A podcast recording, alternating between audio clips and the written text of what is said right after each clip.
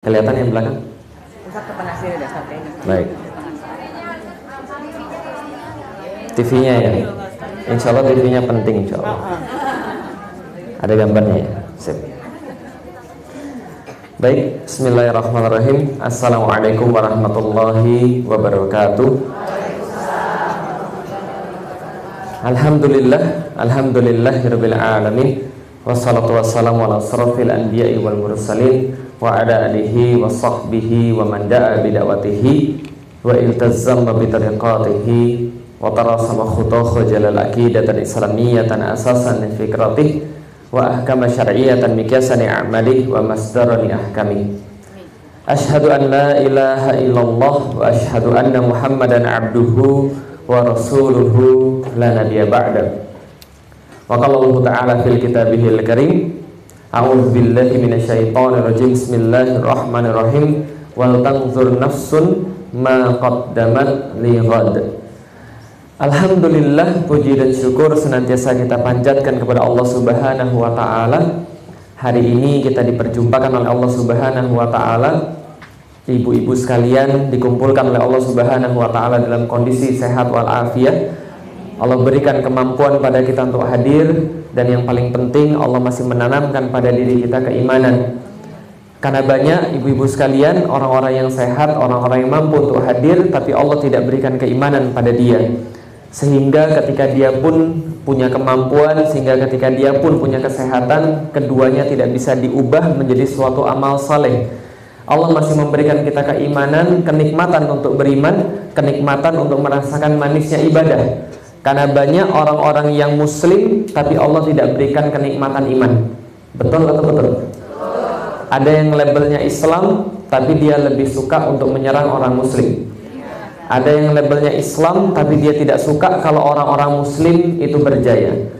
Ada orang-orang Islam tapi dia tidak suka kalau orang-orang muslim mulai dekat kepada Al-Qur'an dan As-Sunnah. Kita menemukan orang-orang semacam ini. Maka kita berharap mudah-mudahan Allah senantiasa memberikan manisnya iman kepada kita, memberikan kepada kita kecenderungan-kecenderungan untuk berbuat kebaikan, minimal kecenderungan pada orang-orang yang baik. Karena katanya Bapak Ibu sekalian, jadilah orang yang berilmu. Kalau tidak bisa berilmu, minimal jadi orang yang mencari ilmu. Kalau tidak bisa mencari ilmu, minimal senang sama orang-orang yang berilmu. Karena kenapa? Almaru ma'aman ahabba. Jadi katanya Rasulullah Shallallahu Alaihi Wasallam, seorang manusia itu bersama dengan yang dia cintai. Hadis ini diriwayatkan oleh Ibnu Abbas. Ibnu Abbas berkata, maaf, Anas bin Malik berkata bahwa saya tidak pernah mendapatkan ada satu hal yang lebih saya cintai, lebih saya sukai dibandingkan ketika saya mendapatkan Rasulullah Shallallahu Alaihi Wasallam mengucapkan seseorang manusia bersama dengan yang dia cintai. Maka Anas berkata, aku mencintai Allah, aku mencintai Rasul, aku mencintai Abu Bakar, aku mencintai Umar, walaupun aku tidak bisa beramal seperti mereka. Maka kata Rasulullah, kamu bersama dengan mereka nanti masuk ke dalam surganya Allah. Maka mudah-mudahan kita juga sama. Minimal kalaupun kita belum diberikan oleh Allah ilmu, minimal kita suka mencari ilmu.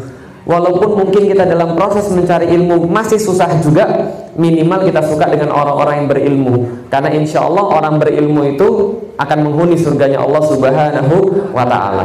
Alhamdulillah puji dan syukur senantiasa kita panjatkan pada Allah serupa dengan itu pula salat dan salam senantiasa kita curah dan limpahkan kepada baginda Nabi besar Muhammad sallallahu alaihi wasallam dan sungguh setiap salawat kepada beliau akan didengar oleh beliau disampaikan kepada beliau dan begitupun setiap salam disampaikan kepada, uh, kepada beliau Seringkali kita mendengar innallaha wal malaikatahu yusalluna 'alan nabi. Sesungguhnya bahkan Allah dan para malaikat pun bersalawat kepada para nabi bersalawat kepada Nabi kita Muhammad. Maksudnya salawat Allah itu seperti apa? Bahwa Allah ridho kepada Nabi Muhammad. Maksudnya salawatnya para malaikat itu apa? Bahwa malaikat-malaikat memuji pada Nabi Muhammad. Sedangkan salawat kita yang paling singkat Allahumma salli ala Sayyidina Muhammad. Kalau nggak pakai Sayyidina gimana Ustaz? Nggak apa-apa, nggak ada masalah. Allahumma salli ala Muhammad. Itu pun boleh. Jadi kalau yang sholat nggak pakai sayyidina, ya itu pun boleh. Mau pakai sayyidina, ada ulama juga yang memperbolehkan, nggak ada masalah. Salawat yang paling singkat, Allahumma salli ala sayyidina Muhammad.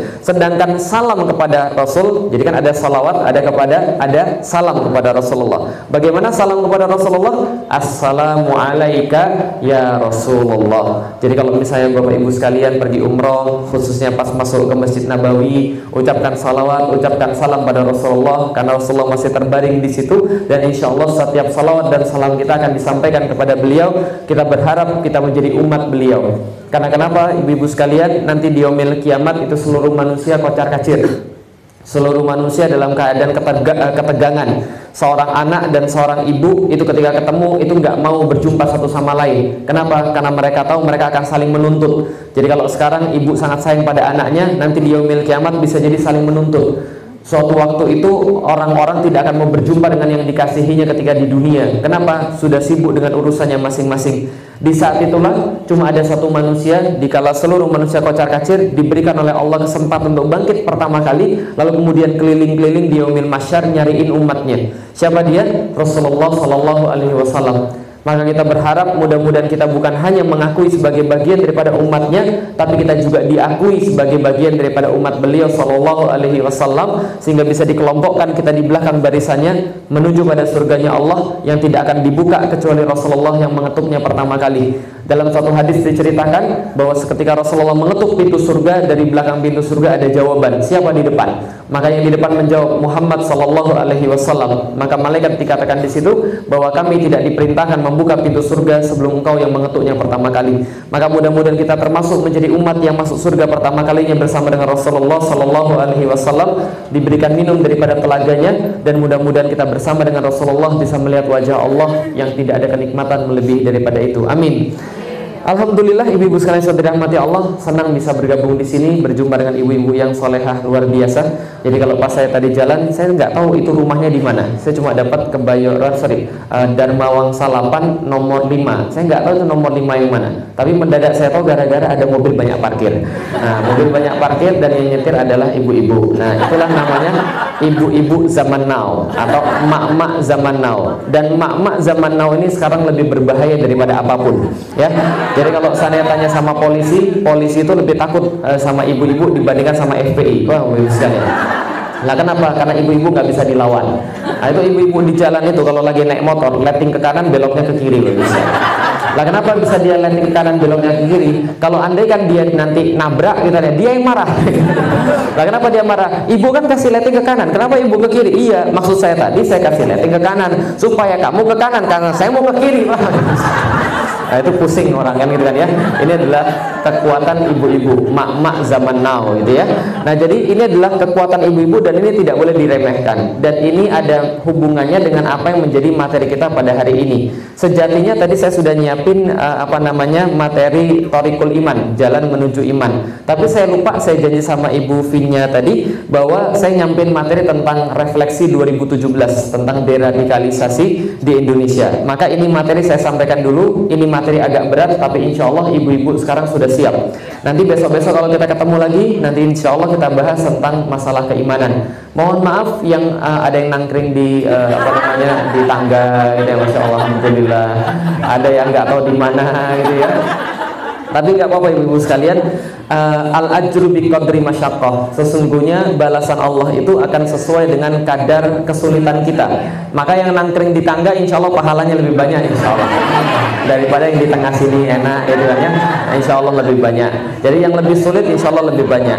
Dan jangan kira ibu-ibu sekalian, jangan kira ilmu itu berasal dari saya. Tidak. Jangan kira ilmu itu dari materinya. Tidak. Ilmu dari mana?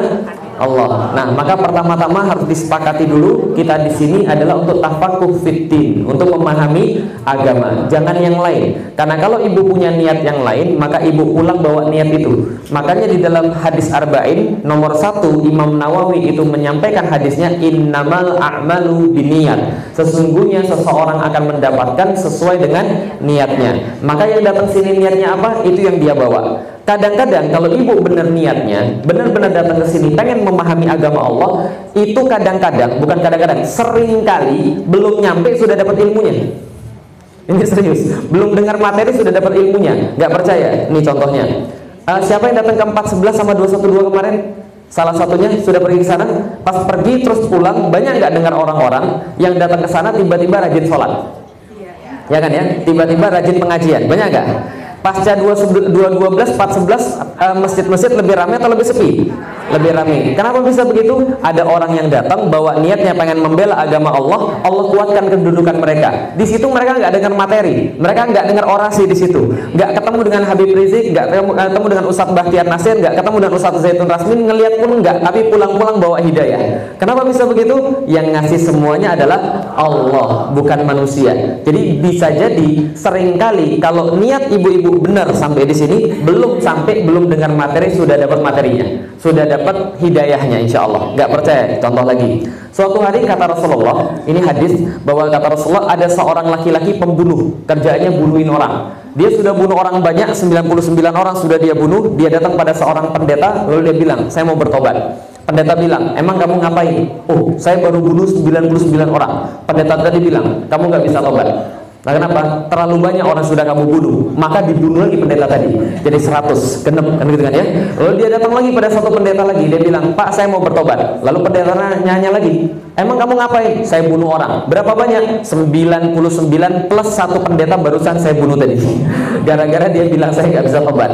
Lantas pendeta ini bilang Oh kamu bisa tobat kalau kamu mau Tapi bukan di sini Nanti di satu kota ada seseorang yang bisa membimbing pertobatanmu. Kamu pergi ke kota itu.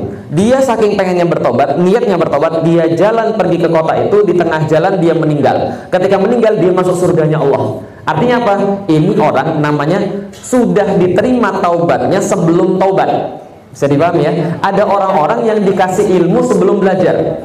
Makanya kalau kita berbicara tentang ilmu, ini untuk menghibur yang di atas tangga ini yang nangkring ya. Ini dari tadi materinya untuk yang nangkring tadi ini. Nah, kalau kita bicara tentang ilmu Bapak Ibu sekalian, kalau ilmu cuma belajar saja, itu nggak masuk akal kalau ilmu cuma dari belajar saja. Betul begitu? Contoh, kenal Ustadz Adi Hidayat? Abdul Somad? Kalau cuma oh belum, oh belum kenal, belum pernah ketemu. Oh mudah-mudahan nanti ketemu insya Allah ya. Tapi tahu Ustadz Adi Hidayat sama Abdul Somad? Kira-kira kalau cuma ngandelin belajar doang bisa kayak mereka atau tidak? Nggak mungkin. Karena kalau cuma belajar doang, mereka belajar, saya juga belajar. Tapi kenapa kemampuannya mereka sangat tinggi sekali? Karena ternyata ilmu itu bukan hanya didapat melalui belajar, tapi didapatkan melalui hal yang lain. Suatu saat saya nanya sama seorang ustadz, seorang ulama, saya tanya, belajar itu caranya gimana? Beliau bilang begini, kalau anda mau belajar, maka mulailah bukan dengan belajar. Loh, gimana maksudnya? Ini kadang-kadang orang pintar itu ngomongnya susah dimengerti. Gitu ya.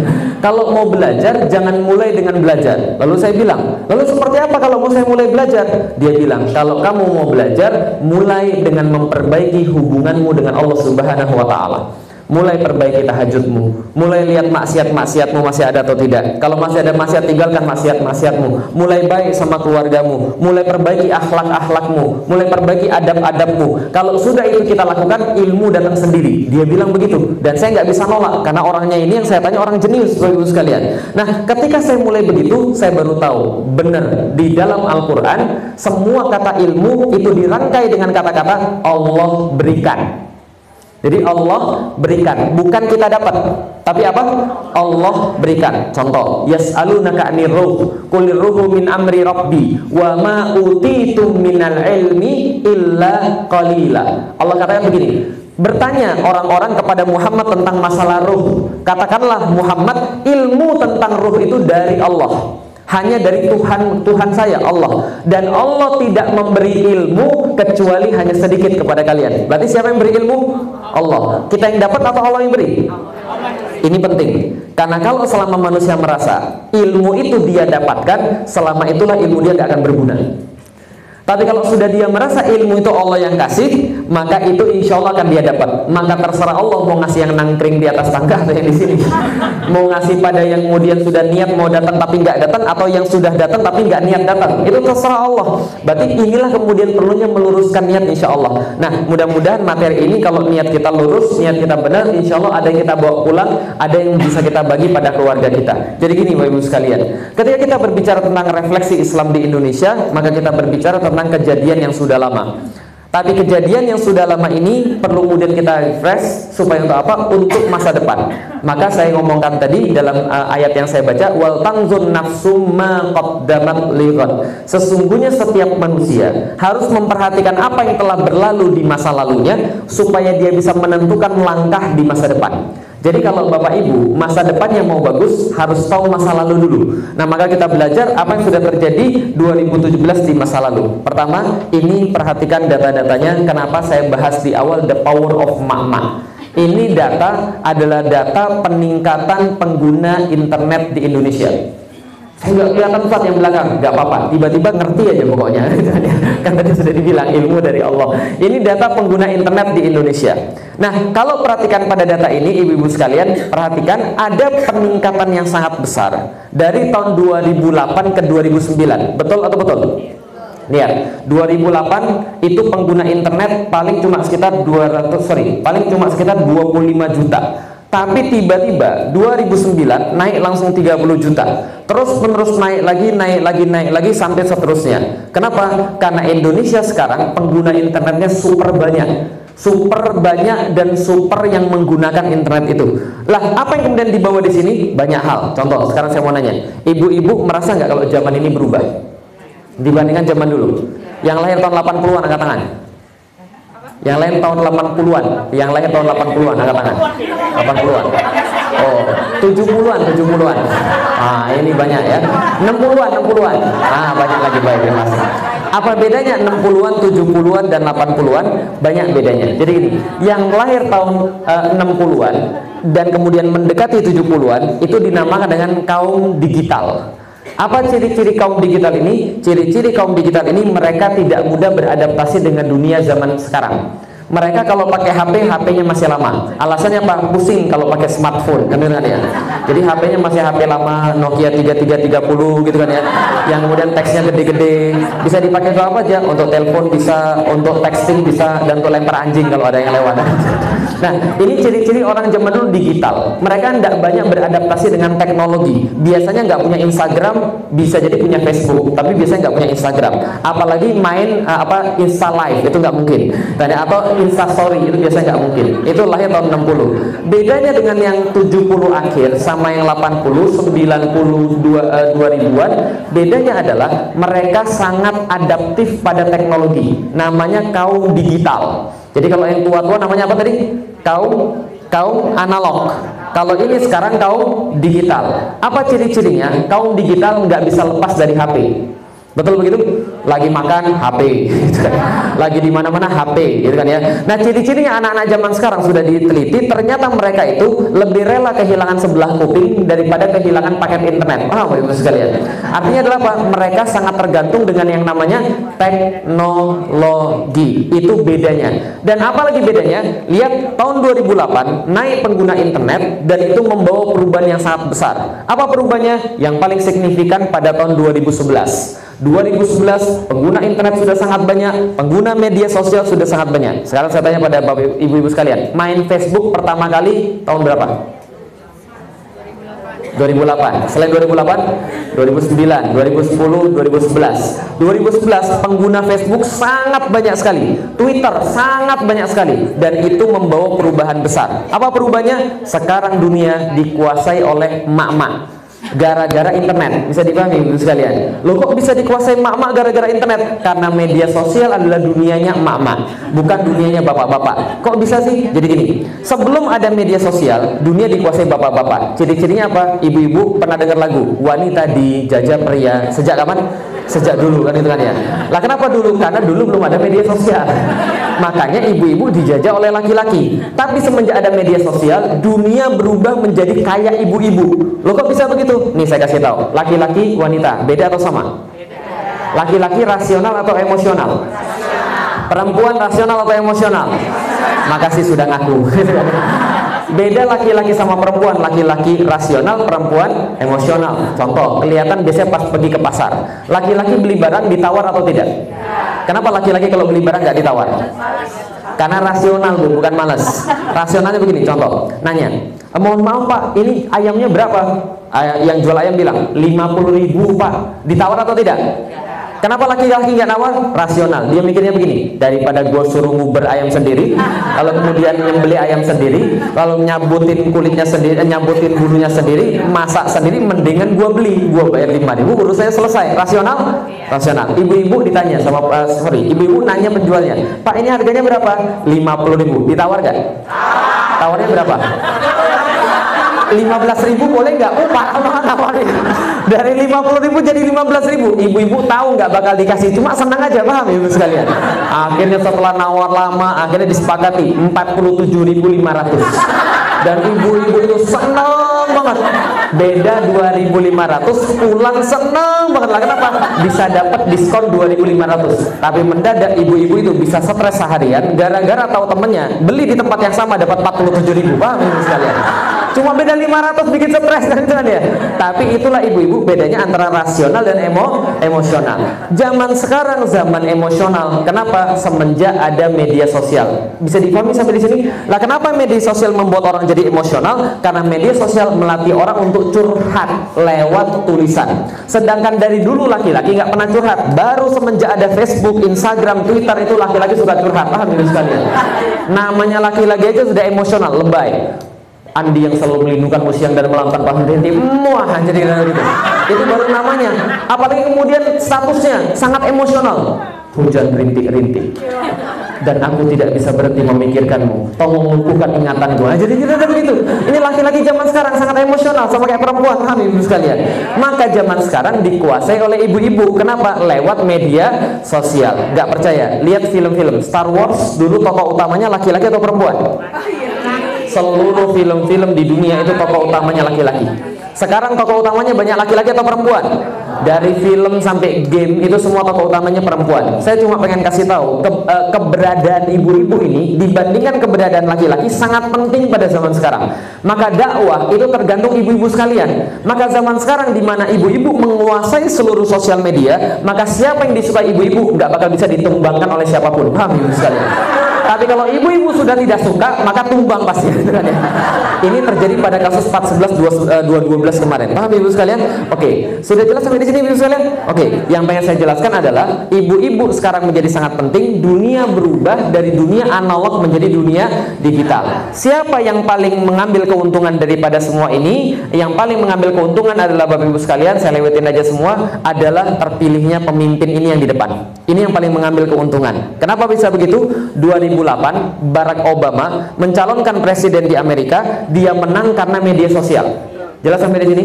Ya, jadi dia menang karena media sosial. Karena dia menguasai media sosial, maka dia menang. Orang pada waktu itu baru terbuka matanya bahwa inilah yang harus dikuasai media sosial. Bukan lagi koran, bukan lagi TV, tapi media sosial. Kenapa bisa begitu? Karena koran semakin lama semakin hancur, semakin turun, sedangkan media sosial semakin lama semakin naik. Gak percaya? Saya tes. Ibu-ibu tahu kajian ini, tahu kajian ini hari ini lewat koran. Siapa siapa yang tahu lewat koran?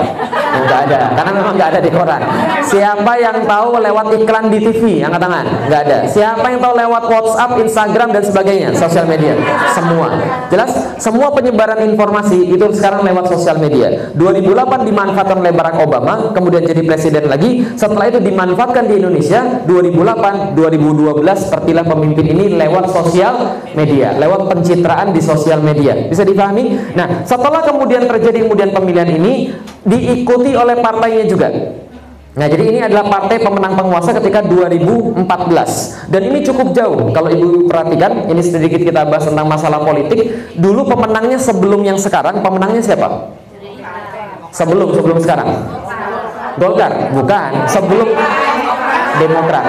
Demokrat itu tinggi sekali dan tiba-tiba anjlok habis sekali gara-gara pencitraan media sosial gara-gara kekuatan media sosial. Tiba-tiba ketika kemudian yang ini kemudian naik jadi jadi pemimpin Pak Jokowi dan kemudian Ahok dan kemudian naik pula partainya kemudian mengikuti pencitraan orangnya. Namanya Jokowi efek pada saat itu. Nah ketika kemudian sudah menang semua muncul kemudian yang baru lagi jadi presiden pada tahun 2014 puncak daripada semua orang kemudian lihat sosial media. Apa yang terjadi setelah ini? Yang terjadi namanya sekularisasi. Apa itu sekularisasi? Pemindahan agama tidak boleh lagi ikut di dalam kehidupan. Ketika partai ini berkuasa, ketika penguasa baru ini ada, maka ada satu program yang sangat kentara yang ada di negeri ini, yaitu adalah Islam harus dipinggirkan dari kehidupan. Bisa difahami, Ibu sekalian. Nah, kenapa bisa begitu? Contoh, misalnya kita lihat. Contoh misalnya, ketika kemudian Pak Jokowi jadi presiden, otomatis wakilnya kan jadi gubernur. Kira-kira orang Muslim suka atau tidak? Kenapa tidak suka? Karena menurut orang muslim, menurut agamanya, maka agamanya mengharuskan punya pemimpin yang satu iman. Betul kan ya? Ketika orang muslim pengen pemimpin yang satu iman, maka muncul dari penguasa kalau begitu Anda intoleran. Kalau Anda pengen berdasarkan Al-Quran dan As-Sunnah, maka Anda radikal. Kalau Anda pengen berdasarkan Islam, maka Anda ekstrim. Bisa dipahami sampai di sini, Ibu sekalian. Muncul sekularisasi ini dan terus-menerus dipaksakan. Untuk apa? Supaya mereka jadi penguasa, Islam nggak boleh ada. Karena kalau Islam tetap ada, maka orang-orang ini tidak bisa jadi penguasa. Lah kenapa? Islam itu adalah secara alamiah, Ibu-ibu, itu anti terhadap kezoliman. Betul atau betul? Islam itu pasti anti terhadap kezoliman. Maka kalau ada kezoliman, Islam pasti akan melawan di depannya. Nah, supaya tidak ada lawan, Islam harus dipinggirkan. Itulah namanya sekularisasi. Nah, ketika kemudian ini mau diangkat jadi pemimpin, saya waktu itu ditanya, Ustadz, kira-kira siapa yang menang pada pemilu nanti? Saya bilang, pasti dia yang jadi gubernurnya. Lah kenapa? Tidak mungkin bukan dia. Lah kenapa? Kuat sekali dukungan dari mana-mana dari segi dana kuat sekali, dari segi jaringan informasi kuat sekali, dari segi sosial media apalagi Ibu sekalian, itu menguasai semuanya. Tapi ternyata manusia berkehendak, Allah juga berkehendak. Manusia punya makar, Allah juga punya makar. Keselip lidah, kemudian muncul surat Al-Maidah 51. Jangan dibohongi oleh al jangan mau dibohongi Al-Maidah 51. Langsung semuanya kemudian protes, langsung kemudian semuanya marah, sebuah sentimen kepada Islam muncul, sebuah tanggung jawab orang kepada Islam muncul. Yang awal-awalnya nggak peduli sama sekali dengan agamanya, merasa gue harus memperhatikan agama gue muncul kemudian banyak sekali dan ada kemudian karunia yang Allah berikan pada kita. 411 212 ya Allah ya Rob. Saya masuk Islam itu sekitar 16 tahun yang lalu ibu-ibu sekalian tahun 2000, eh, 2002 sampai kemudian terjadinya ini pada tahun 2000 berapa? 2016 itu sampai terjadinya 411 212 itu saya nggak pernah membayangkan umat muslim bakal bersatu kayak begini. Yang datang nangis atau tidak? Saya nangis saya juga sama datang ya Allah ini kayak nggak pernah kita bayangkan. Orang-orang datang ya mas ya mas semuanya senyum pada macet-macetan tapi seneng kan gitu kan ya. Masuk kepada Monas kemudian saling senggol-senggolan. Tapi mohon maaf ya mas mohon maaf nggak ada yang marah sama sekali. Kenapa? Karena mereka merasa satu umat. Saya 411 datang situ tiba-tiba di depan saya saya kan jalan-jalan mana-mana tuh. Lah kenapa? Saya jalan-jalan ke mana-mana nggak ke panggung supaya ngelihat ada nggak yang benci sama saya? Kalau tiba-tiba dia bilang oh Cina Cina ganyang ganyang Cina. Ah, berarti dia berarti provokasi kan itu nih provokator. Lah kenapa nggak kenal sama saya berarti kan ya? Tiba-tiba di depan saya itu ada yang membentangkan spanduk ganyang Cina Lalu kemudian bukan saya ngomong, yang ngomongin ibu-ibu, mas gulung mas, mas gulung mas, kita nggak ada urusan dengan etnis Cina mas, kita nggak ada urusan dengan orang Cina mas, yang kita urusan cuma satu orang saja, yang mereka menistakan agama kita, gulung mas, digulung sama orangnya. Lalu kenapa? Karena semua Muslim datang ke sana, semua dengan damai, bukan pengen mereka makar, bukan pengen mereka sesuatu yang jahat. Lalu kenapa? Karunia Allah pada manusia. Di dalam Al-Quran Allah katakan, andaikan kalian membelanjakan seluruh harta yang ada di bumi untuk beli persatuan, beli ukhuwah ukhuwah tidak akan pernah bisa kata Allah. Kenapa? Karena ukhuwah itu cuma Allah yang bisa berikan. Tertautnya hati-hati di antara muslim-muslim semuanya. Coba lihat zaman dulu. Mungkin nggak ustadz-ustadz berkumpul sebanyak itu? Nggak dibayar sama sekali. Adanya zaman dulu ustadz-ustadz satu sama lain nggak pernah ketemu. Kalaupun ketemu mereka semua mungkin bukan bersatu kan itu ya, tapi mungkin omongin satu sama lain. Tapi sekarang masya Allah begitu banyak ustadz-ustadz bersatu, semua satu tujuan. Allah berikan kemudian apa yang terjadi pada kita? Allah berikan kemudian kemenangan. Tapi pasca kemenangan ini bukan tanpa bayaran. Justru penguasa semakin parah. Lah kenapa semakin parah? Jadi gini ceritanya. Coba lihat. Coba lihat baik-baik. Ini ada partai penguasa nyalonin penguasa-penguasanya karena dia merasa menang karena di media sosial nyalonin penguasa-penguasanya pengen mensekularisasi Indonesia pengen membuat Islam keluar daripada Indonesia Islam dihapuskan daripada Indonesia.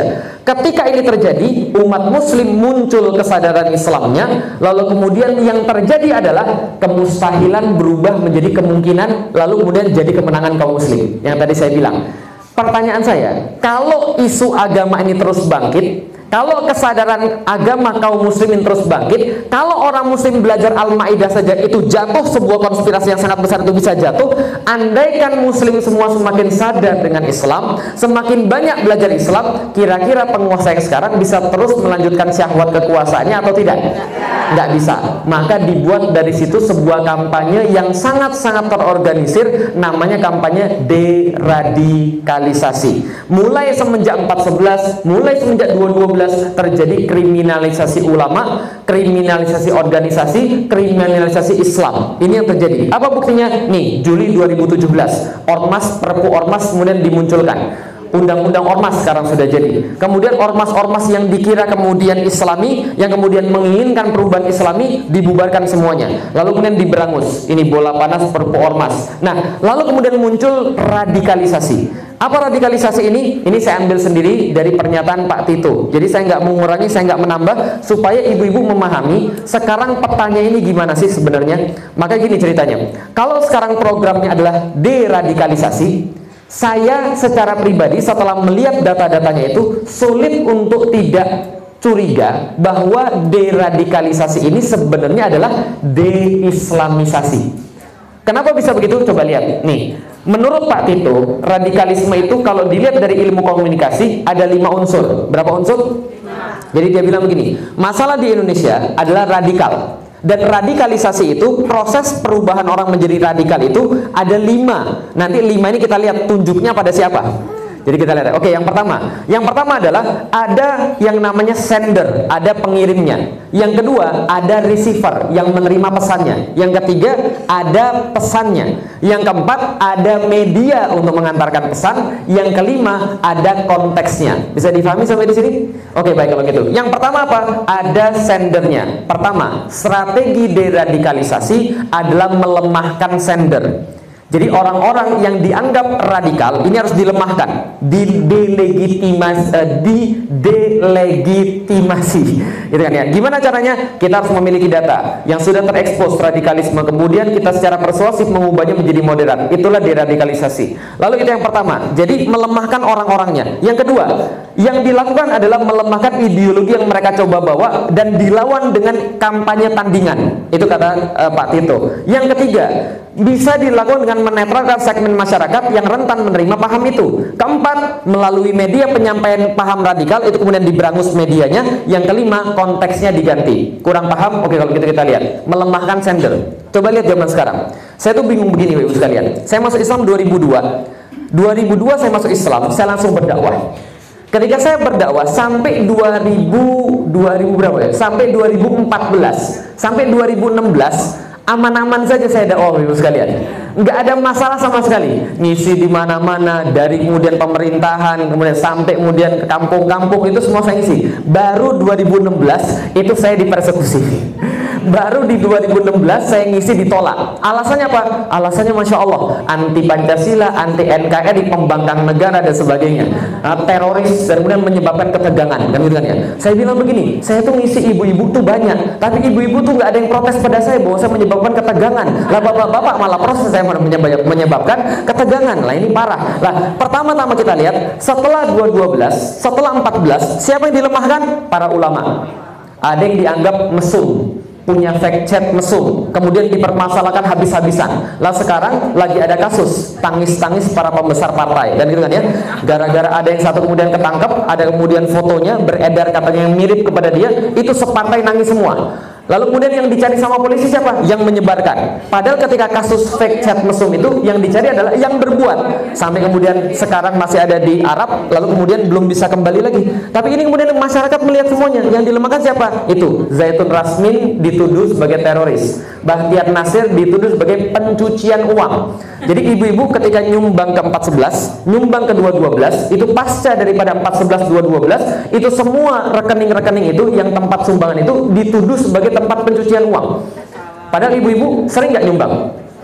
Itu masjid-masjid keropak-keropaknya setiap setiap Jumat diisi atau tidak? Tapi pernah nggak dituduh pencucian uang? Aneh. Jadi nyumbang sekarang bisa karena pasal pencucian uang. Sedekah sekarang bisa dianggap pasal pencucian uang. Yang didelegitimasi siapa? Ulama-ulama. Pengennya mereka apa? Pengennya mereka adalah ulama tidak lagi dijadikan panutan. Maka mereka selalu mencari kesalahan-kesalahan para ulama, memblow up kemudian kesalahan-kesalahan itu seolah-olah supaya ulama ini tidak layak lagi dipercaya. Apalagi barusan Ustadz Bahtiar Nasir minum kencing unta. Itu sesuatu yang biasa sebenarnya. Jadi sesuatu yang biasa ada hadisnya, sesuatu yang lumrah, tapi begitu sebisa mungkin di blow up. Ustadz Abdul Somad, Ustadz Rasis lah kenapa eh, dipajang videonya ketika dia kemudian dipotong video mengatakan orang Cina nggak mungkin memasukkan setan karena orang Cina sudah setan. Dipasang fotonya di bawah, foto saya sama Ustadz Tengku Zulkarnain. Karena Ustadz Tengku Zulkarnain dan saya adalah Cina kan gitu ya. Bapak saya nelpon saya, itu betul apa Ustadz Somad menghina orang Cina gitu kan ya. Saya ketawa, saya bilang, "Pi, saya itu orang Cina dekat sama Ustadz Abdul Somad, itu guyonan saja." Seperti saya mengatakan begini, Anda mau Anda mau apa nyantet George Bush zaman dulu gitu kan ya. Anda mau nyantet George Bush nggak akan bisa. Lah kenapa? Jin anda jin lokal jin dia jin internasional kan itu sama kayak gitu guyonannya. Lah kenapa kemudian di seolah-olah Ustadz uh, Ustadz Abdul Somad rasis? Supaya apa? Delegitimasi. Mereka nggak mau bahwa anda percaya pada Ustadz-Ustadz tadi. Yang terjadi malah sebaliknya. Ustadz Abdul Somad dituduh anti NKRI juga. Dituduh anti Pancasila. Suruh nyium bendera. Malah yang datang membludak. Di Aceh yang datang satu juta orang. Masya Allah. Ustadz-Ustadz yang lain Bahtiar Nasir semakin kemudian dipersekusi semakin kemudian banyak yang datang ini kemudian yang terjadi. Berarti kalau kita lihat deradikalisasi tadi, yang pertama strateginya adalah melemahkan orang-orang yang dianggap penyebab radikal. Sekarang dilemahkan siapa? Para ulama. Bisa dipahami Ibu sekalian, terutama ulama-ulama yang mendukung 411 dan 212. Mereka dianggap intoleran. Nggak boleh bilang kafir. Lah kenapa? Kalau bilang kafir kami tersinggung. Lah terus gimana caranya? Allahu Akbar, qul ya ayyuhal non muslim. Kan begitu kan ya? Karena nggak boleh bilang kafir.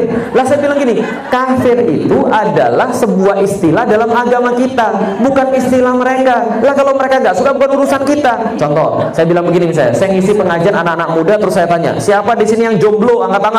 Tiba-tiba ada yang protes Ustadz kami bukan jomblo. Lah kenapa? Kami single Ustadz. Lah apa bedanya? Ya sama-sama belum nikah Anda tidak mau diomongin jomblo nggak ada masalah karena itu istilah saya. Tapi istilah Anda pilih single nggak ada masalah. Sama kayak Islam kafir itu istilah di dalam kami. Dan mengatakan Anda kafir bukan berarti kami membenci Anda. Bisa dipahami ibu sekalian? Karena itu adalah sebuah istilah saja bukan benci gitu loh maksudnya. Lah Allah kemudian tidak boleh kita benci orang kafir. Yang kita benci bukan orang kafirnya. Yang kita benci apa? Kekufuran yang mereka lakukan. Ingat ya, karena kalau Allah memerintahkan kita benci orang kafir, nggak akan ada orang kafir di masanya Rasulullah karena sudah dibunuh habis semua. Tapi Allah tidak pernah memerintahkan kita benci orang kafir. Tapi ini balik lagi, semua yang berkaitan dengan ulama sekarang dilegitimasi sampai sekarang masih ada. Nggak boleh ngisi di satu tempat, kalau kemudian nggak boleh ngisi di tempat yang lain. Alasannya menebar kebencian dan sebagainya. Oke, lihat yang pertama cocok deradikalisasi tadi, cocok. Oke, kalau gitu kita yang kedua. Yang kedua, kampanye tandingan. Jadi kampanye tandingan. Jadi kalau ada misalnya kampanye Islam, kampanye Quran dan Sunnah, kampanye kembali pada syariah, mereka bikin kampanye tandingan. Apa kampanye tandingannya? Saya Indonesia, saya Pancasila. Misalnya, yang terakhir ada saya Indonesia, saya Pancasila, saya nabrak tiang listrik, saya masuk penjara. Apa? Ini adalah kemudian kampanye-kampanye. Sekali lagi gini, saya tidak ada masalah dengan Indonesia, saya tidak ada masalah dengan Pancasila. Sampai sekarang paspor saya Indonesia, saya warga negara Indonesia, KTP saya Indonesia. Pancasila dari dulu saya nggak pernah ada masalah. Tapi gini, Bapak sekalian, ada orang-orang tertentu yang mereka menjadikan ini sebagai kampanye tandingan untuk melawan kampanye Islam. Persis zaman dulu ketika PKI menggunakan Pancasila untuk melawan Islam. Bisa dipahami? Jadi dulu ada partai yang namanya PKI. Partai PKI ini punya pemimpin salah satunya namanya DN Aidit. DN Aidit ini nulis satu buku judulnya Membela Pancasila. Jadi dia bilang ini, gue yang Pancasila, selain gue bukan Pancasila. Jadi gini kampanyenya, cuma kami yang Pancasila, saya Indonesia, saya Pancasila. Walaupun Anda korupsi, walaupun Anda, anda jahat, walaupun Anda bejat, nggak ada masalah. Yang penting Anda pasang profil picture saya Indonesia, saya Pancasila. Berarti kalau misalnya Anda Indonesia, Anda Pancasila, Anda tidak boleh pakai agama. Paham sampai di sini? Ada kampanye tandingan di situ. Nah, coba aja lihat di sosial media semuanya seperti itu. Apalagi tiga, netralkan potensi penerima paham radikal. Menurut survei yang mereka lakukan, yang paling banyak menerima paham radikal adalah mahasiswa dan juga anak-anak SMA. Maka mereka melakukan kampanye atas nama itu kepada anak-anak mahasiswa dan anak SMA. Nih, ada kuliah akbar aksi 4,5 juta mahasiswa yang sampai sekarang nggak tahu siapa yang ngadain. Loh, siapa yang ngadain? Itu kan sudah jelas perguruan tinggi. APTISI, Asosiasi Perguruan Tinggi Indonesia menolak. Kami tidak pernah ngadain yang kayak begini. Lalu siapa ngadain? Dosen-dosennya katanya. Ini masif sekali, diadakan seluruh negeri dan dibantu oleh penguasa. Dan banyak sekali kemudian dana-dananya. Nah, apalagi kemudian itu yang ketiga. Yang keempat, kendalikan media. Ibu-ibu, sekarang ibu-ibu sudah nggak akan lagi bisa mengakses di Instagram, nggak akan bisa lagi mengakses di Facebook yang berbau-bau FPI dan Habib Rizik. Saya sudah coba. Jadi saya coba uh, apa namanya posting uh, saya pengen berjumpa dengan Habib Rizik. Itu tiba-tiba hilang postingan saya dihapus. Lalu kemudian saya ganti, saya pengen bertemu dengan uh, HRS, dihapus juga. saya pengen bertemu dengan Habib, eh, sorry, pengen bertemu dengan Habib RS, baru aman sekalian. Jadi sudah berapa kali postingan tentang FPI hilang, postingan tentang Habib Rizik hilang, ada fotonya Habib Rizik hilang, ada kemudian LGBT hilang. Facebook saya 4,1 juta follower. Sudah ada centang birunya kemarin disuspend satu kali 24 jam gara-gara apa posting LGBT jadi benar-benar Facebook bilang ini melanggar community guidelines kemudian harus dihapus dua postingan ini dan anda disuspend satu kali 24 jam gara-gara posting LGBT LGBT dengan kemudian yang dikatakan teroris seperti bendera tauhid lebih bahaya mana? Bendera tauhid atau LGBT tapi sekarang LGBT nggak boleh lagi dibahas. Anda pasti disuspend. Kalau sana Anda kemudian bahas tentang LGBT. Semua yang berkaitan dengan Islam, Anda pasang profil picture La ilaha illallah Muhammad Rasulullah akan dihapus juga. Lah kenapa? Karena pemerintah sudah punya kunci untuk kemudian tadi menghapus akun-akun atau menghapus postingan-postingan yang dianggap berbahaya. Sekarang sudah dilatih Badan Siber Nasional. Yang pertama-tama yang kemudian membuat heboh dengan kata-kata hoax membangun. Nah, Masya Allah. Jadi memang dari dulu begitu. Jadi ini kemudian mereka kendalikan cocok dengan program 5 tadi yang disebutkan di awal. Jadi program deradikalisasi ini bukan kena pada siapa pun, semuanya kena kepada orang muslim. Sedangkan di Papua kemarin ada kelompok bersenjata yang sudah makar, bukan rencana lagi, sudah makar. Tapi dibilang apa?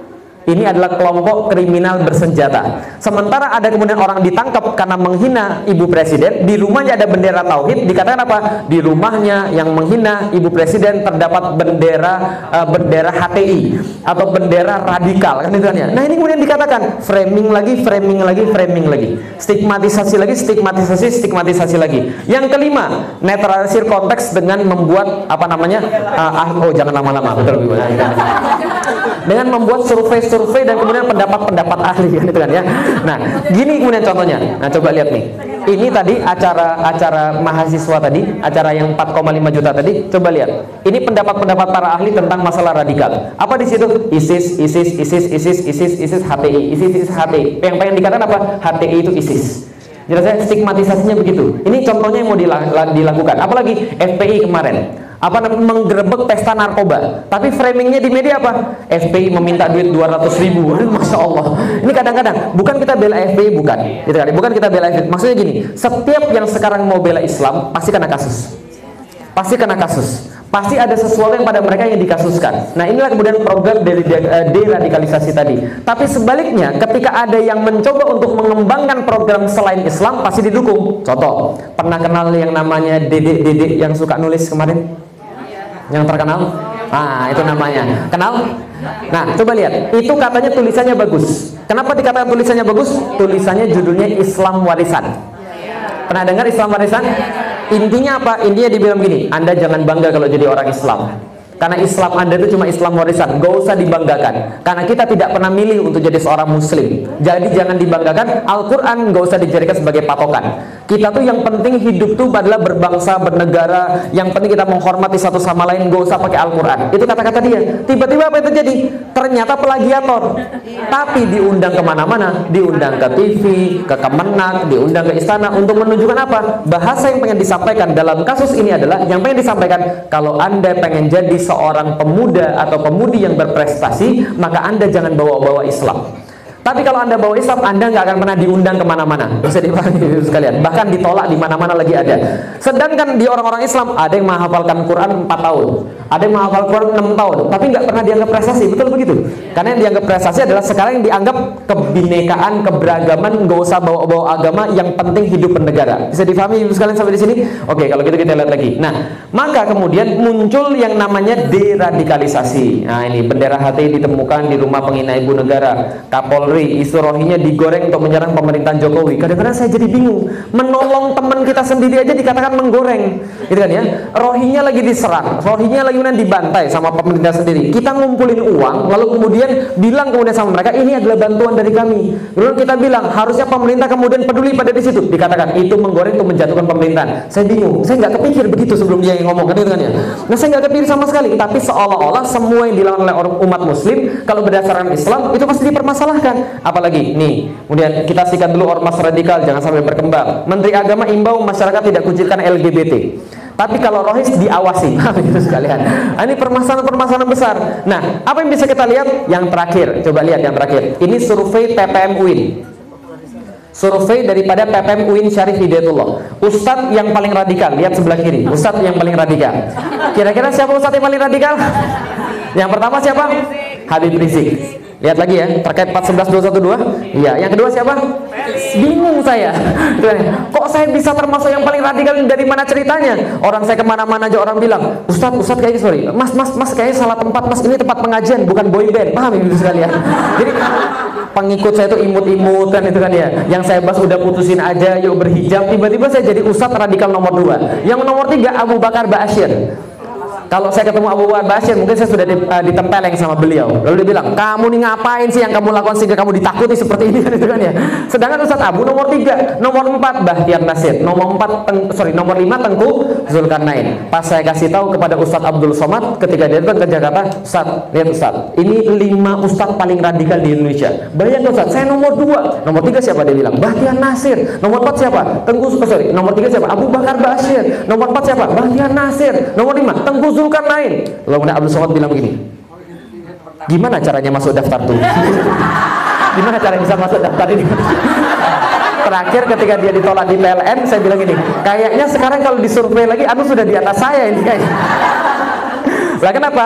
Ternyata menurut survei mereka, radikalisasi itu paling banyak ditemukan di sosial media. Maka saya masuk daftar nomor dua di sini karena follower saya di sosial media paling banyak yang kemudian mempengaruhi anak-anak muda.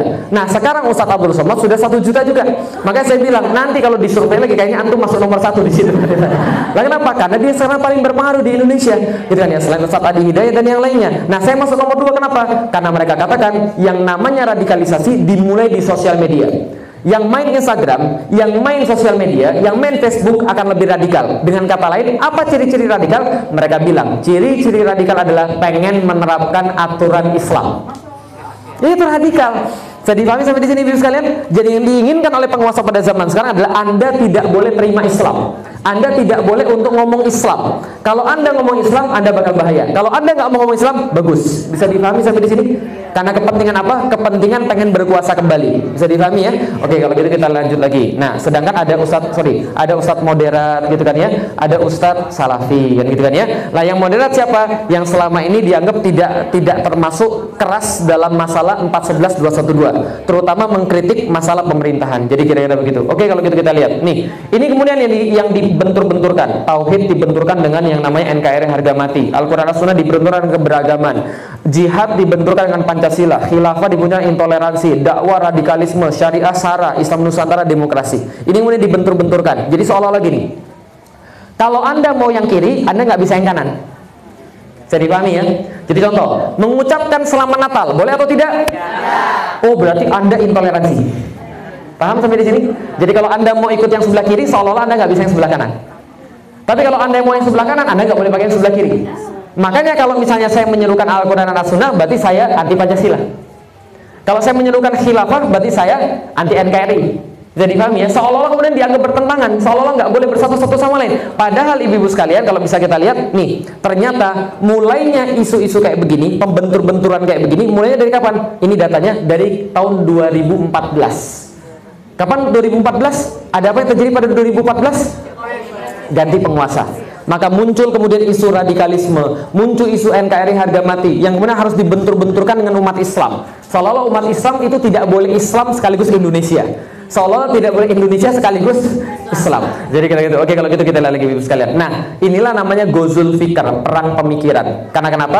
Jadi gini bapak ibu sekalian, ibu-ibu sekalian khususnya orang Barat mereka itu punya satu senjata yang sangat berhasil pada zaman sekarang yang nggak pernah mereka ketemukan zaman dulu ketika mereka masih perang melawan kaum muslimin.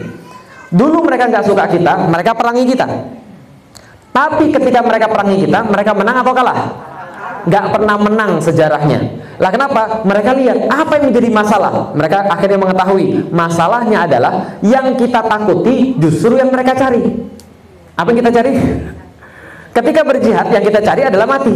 Yang mereka cari balik lagi hidup gitu kan ya. Maka itu menjadi masalah kata dia. Yang mereka cari yang kita takuti. Maka mereka ta uh, cari tahu dari mana mereka ini punya semangat begitu. Akhirnya mereka dapat Al-Quran As-Sunnah. Dua itu. Ini yang menyebabkan kaum muslimin punya ruh ketika berjuang. Maka mereka buat bagaimana caranya kaum muslimin meninggalkan Al-Quran dan As-Sunnah atau meninggalkan Islam. Caranya adalah dengan cara mereka buat namanya pemikiran Gozul Fikr tadi perang pemikiran. Contohnya seperti apa? Ini contohnya dia tahu dia nggak bisa mengubah Al-Quran. Dia tahu dia nggak bisa mengubah hadis. Tapi dia bilang begini, betul ada hadis. Tapi kan itu kan 200 tahun yang lalu. Paham? Jadi kemarin yang abu-abu yang ngomong di uh, salah satu acara debat itu, Nah, itu bukan pemikiran baru.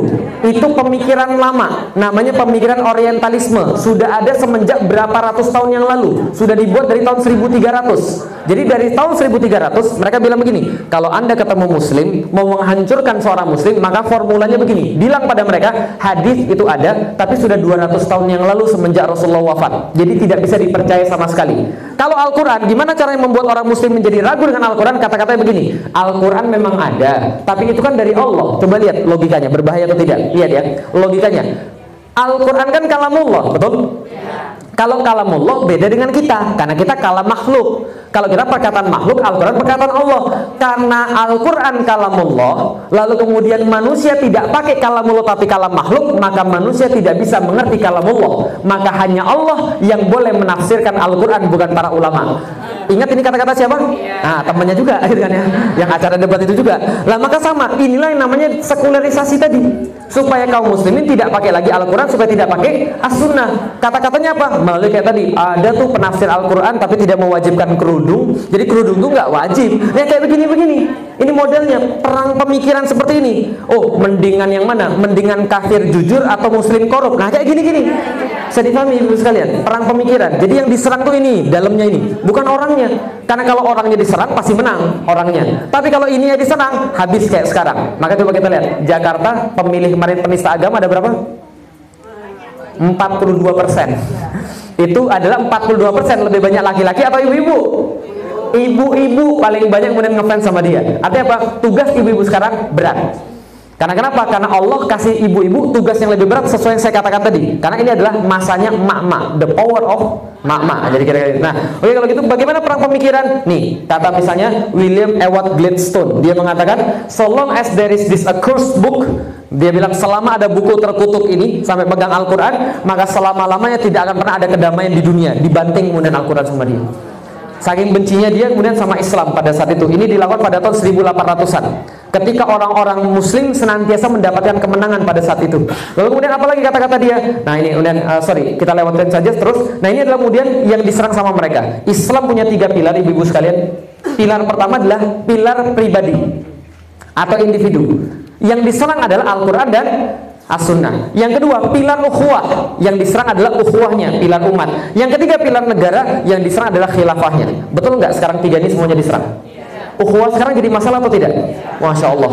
Kita tiba-tiba kemudian para ulama-ulama lagi bersatu. Tiba-tiba ada ulama yang nggak mau bersatu kemudian ngikut kepada yang lain. Tiba-tiba ada ulama yang melawan kemudian orang-orang muslim sendiri. Tiba-tiba ada ulama yang kemudian menyakiti orang muslim sendiri. Kita dipecah belah, di kemudian diadu satu sama lain. Makanya saya bilang sama semua orang, saya tahu ketika saya di mana-mana yang nggak suka sama saya ada dari kelompok-kelompok tertentu. Tapi saya selalu bilang sama orang-orang muslim, jangan balas mereka. Jadi ingat ya ibu-ibu ya. Jadi kalau di sosial media, kita tahu ada kelompok-kelompok yang kadang-kadang kelompok ini senantiasa nyerang kaum muslimin. Tapi bagaimanapun mereka adalah muslim. Jangan serang balik mereka. Karena kalau ibu-ibu kemudian serang balik mereka, kita berantem di sosial media, yang ketawa siapa? Yang punya agenda. Karena beberapa orang nggak tahu kalau mereka dimanfaatkan. Bisa dipahami ya? Jadi ada satu kelompok misalnya, kerjaannya bubarin pengajian terus, kerjanya bikin masalah terus, sudah nggak apa-apa, jangan kemudian dibalas. Karena kalau dibalas nanti ada yang menang. Siapa yang menang? Orang yang nggak suka orang muslim bersatu. Maka mereka tetap saudara kita. Jangan dibalas, jangan apalagi dibuat kekerasan. Karena mereka tetap saudara kita. Bagaimanapun juga, ukhuwah harus tetap dijaga. Oke, kalau gitu kita lihat. Lalu bagaimana kemudian bisa kita lihat lagi tentang uh, tentang yang lain? Nah ini. Jadi kalau Islam itu punya ideologi, ibu-ibu sekalian, maka ada konsep, ada metode. Konsepnya berdasarkan dari Al-Quran dan As-Sunnah tidak bisa diserang. Lain ini metodenya ini yang diserang. Apa yang diserang? Khilafah, syariah, dakwah dan jihad itu yang diserang. Dan itu yang kemudian dikriminalisasi atau distigmatisasi jelek. Ini yang kemudian terjadi sekarang. Oke, balik lagi ke Islam dan Indonesia. Bapak Ibu sekalian, terutama ibu-ibu sekalian, saya pengen tanya, apa sih yang membuat Indonesia ini berharga bagi kita? Kira-kira apa yang membuat Indonesia berharga bagi kita? Karena cuma pulau-pulaunya banyak karena tanahnya luas, karena lautnya kaya, karena sumber daya alamnya banyak. Apa? Karena muslim terbesar. Kenapa sih Islam ini berarti bagi kita? Coba saya ceritakan sedikit perjalanan Indonesia. Sebelum ada Indonesia, ada proklamasi kemerdekaan, betul? Yang mengucapkan proklamasi siapa? Bung Karno. Pertanyaannya, Islam pas di sorry Islam, Indonesia pas diproklamasikan itu kental dengan Islam atau tidak? Oke kalau gitu kita lihat kental dengan Islam atau tidak. Ini ceritanya. Kisah perjalanan sebelum Indonesia merdeka. Jadi ceritanya begini, ketika sudah didapatkan Indonesia merdeka, itu ada pertanyaan sama orang. Kalau kita sudah mau merdekakan Indonesia, tim namanya BPUPKI. Apa itu BPUPKI? Badan Persiapan untuk eh sorry, Badan apa? Badan apa? Badan titik-titik untuk persiapan kemerdekaan Indonesia. Gitu kan BPU PKI nah, itu kemudian setelah dibentuk kemudian ke kepanitiaan itu maka kemudian mereka mengatakan kalau kita pengen merdeka dasar negaranya apa? Kira-kira negara kita berdasarkan apa? Mereka kemudian ribut mereka kemudian debat akhirnya debat ini diwakilkan kepada namanya panitia 9 pada siapa panitia 9 kenapa namanya panitia 9 karena panitia 9 ini ada lima daripada orang-orang nasionalis dan ada empat dari orang-orang Islam. Mereka berdebat akhirnya mereka kemudian mengatakan kemudian masing-masing pendapatnya. Contoh ini. Muhammad Yamin 29 Mei 1945 mengatakan bahwa yang namanya dasar negara kita atau disingkat dengan Khomsah Konun dalam bahasa Arab Khomsah 5 Konun Konun konun undang-undang. Berarti undang-undang kita yang lima, dasar negara kita yang lima adalah menurut Muhammad Yamin peri kebangsaan, peri kemanusiaan, peri ketuhanan, peri kerakyatan, kesejahteraan rakyat. Kemudian ganti Pak Karno yang kemudian berkata, apa kemudian uh, dasar negara kita? Pak Karno mengatakan, kebangsaan Indonesia, internasionalisme atau perikemanusiaan, mufakat atau demokrasi, kesejahteraan sosial, lima ketuhanan. Ini yang kemarin dipermasalahkan. Karena kenapa dalam dalam uh, dalam pembelajar apa tesis ya kalau saya nggak salah Habib Rizik itu yang kemudian dikatakan, kenapa Bung Karno menaruhnya paling bawah? Ketuhanan. Nah, ketuhanan paling bawah, tapi dikatakan dengan bahasa agak kasar. Nah sehingga kemudian dipermasalahkan kemarin, tapi nggak ada masalah. Itu adalah kemudian uh, apa namanya ceramahnya Bung Karno. Ini usulan Bung Karno tentang Homsah Konun tadi. Sementara para ulama berkata begini, kami pokoknya sepakatnya dasar negara kita adalah Islam. Jadi dasar negara kita adalah Islam. Langsung orang-orang dari Indonesia Timur protes. Misalnya contoh Mr. Alexander Amaramis, A Amaramis. Kalau syarat Islam kami nggak setuju, karena kami bukan Islam. Lalu bagaimana kami mau menerapkan syariat Islam? Ya sudah, ulama-ulama bilang, kalau begitu gak usah syariat Islam. Tapi adalah kewajiban melaksanakan syariat Islam. Sama aja. Cuma beda kata-kata aja. Tadi kemudian syariat Islam, sekarang menjalankan syariat sama aja. Ya sudah, Bung Karno kemudian menengahi. Gini saja. Kalau begitu, sila pertama adalah ketuhanan dengan kewajiban melaksanakan syariat Islam bagi pemeluk-pemeluknya saja. Nah gimana kalau begitu? Alexander Amaramis mengatakan kami setuju 200%. Lah kenapa? Karena yang menerapkan itu cuma pemeluk-pemeluknya saja. Kami tidak termasuk. Maka tanggal 22 Juni terkenal namanya Piagam Jakarta. Bahwa sila pertama adalah ketuhanan dengan kewajiban menjalankan syariat Islam bagi pemeluk-pemeluknya. Lihat, ketuhanan dengan kewajiban melaksanakan syariat Islam bagi pemeluk-pemeluk sorry, dengan kewajiban menjalankan syariat Islam bagi pemeluk-pemeluknya. Tujuh, tujuh kata di dalam uh, Piagam Jakarta yang hilang. Tiba-tiba ibu-ibu sekalian, 18 Agustus jadi begini coba lihat yang paling kiri eh, kanan bawah ketuhanan yang maha esa Ya, yang mana yang hilang? Dengan kewajiban melaksanakan syariat Islam bagi pemeluk-pemeluknya. Lo kok bisa hilang? Sampai sekarang menjadi misteri. Sampai sekarang menjadi misteri. Lah kenapa? Ulama-ulama sudah mengatakan kesepakatan itu adalah yang pertama silanya seperti Piagam Jakarta. Tiba-tiba kok berubah 18 Agustus? Sampai seorang Muhammad Nasir pernah mengatakan 17 Agustus kita memuji Allah karena kita dimerdekakan. Sedangkan 18-nya kita beristighfar. Gara-gara apa? Ternyata dasar negaranya hilang syarat Islamnya. Padahal kental sekali negara ini dengan syarat Islam. Pejuang-pejuangnya Muslim semua, hampir semua. Ada yang mengatakan Ustaz, oh bukan Muslim semua, ada juga selain Islam. Iya, tapi nggak banyak. Paham ibu bapak ibu sekalian? Nah, umat Muslim yang saham terbesarnya tiba-tiba hilang. Sampai sekarang kemudian masih menjadi misteri. Mau diceritakan kira-kira misterinya seperti apa? Jadi gini ceritanya. Ceritanya, menurut misterinya, ada orang-orang yang datang kepada Hatta ya yang datang kepada Hatta Pak Hatta lalu kemudian mengaku sebagai seorang apa namanya opsir daripada Kaigun. Kaigun Jepang. Mengatakan begini katanya gini wajahnya putih matanya sipit. Yang jelas bukan saya. Lalu dia mengatakan begini kalau ini masih ada maka Indonesia Timur akan pecah. Padahal sudah sepakat tidak akan terjadi begitu. Lalu kemudian akhirnya Hatta Soekarno menghilangkan kemudian uh, tujuh kata itu. Apa yang terjadi? Kira-kira ulama protes atau tidak? Ulama ngamuk merasa kecewa, merasa dikhianati. Lah kenapa? Kita sudah sepakat menjalankan syarat Islam bagi pemeluk-pemeluknya. Kenapa tiba-tiba hilang? Lalu ke mana ini hilangnya? Protesnya itu kemudian seluruhnya protes terutama Ki Bagus Hadikusumo dari Muhammadiyah. Protes habis-habisan. Ternyata protesnya itu kemudian dikatakan sama Kasman Simo di Mejo, sudah nggak apa-apa Kiai, nanti insya Allah kita perjuangkan kembali. Insya Allah syarat Islam ini menurut daripada Soekarno kita perjuangkan kembali ketika sidang konstituante. Maka dibuatlah sidang konstituante pada tahun 1956 dan 1959. Lihat ini sengaja saya blocking. Jadi Anda harus tahu siapa dari dulu membuat kekacauan pada negeri ini. Kita ya. Jadi 1956 sampai 1959 ini kemudian partai-partai yang kemudian memperjuangkannya. Partai yang pertama memperjuangkan Indonesia berdasarkan Pancasila. Yang kedua, partai-partai memperjuangkan Indonesia berdasarkan syariat Islam.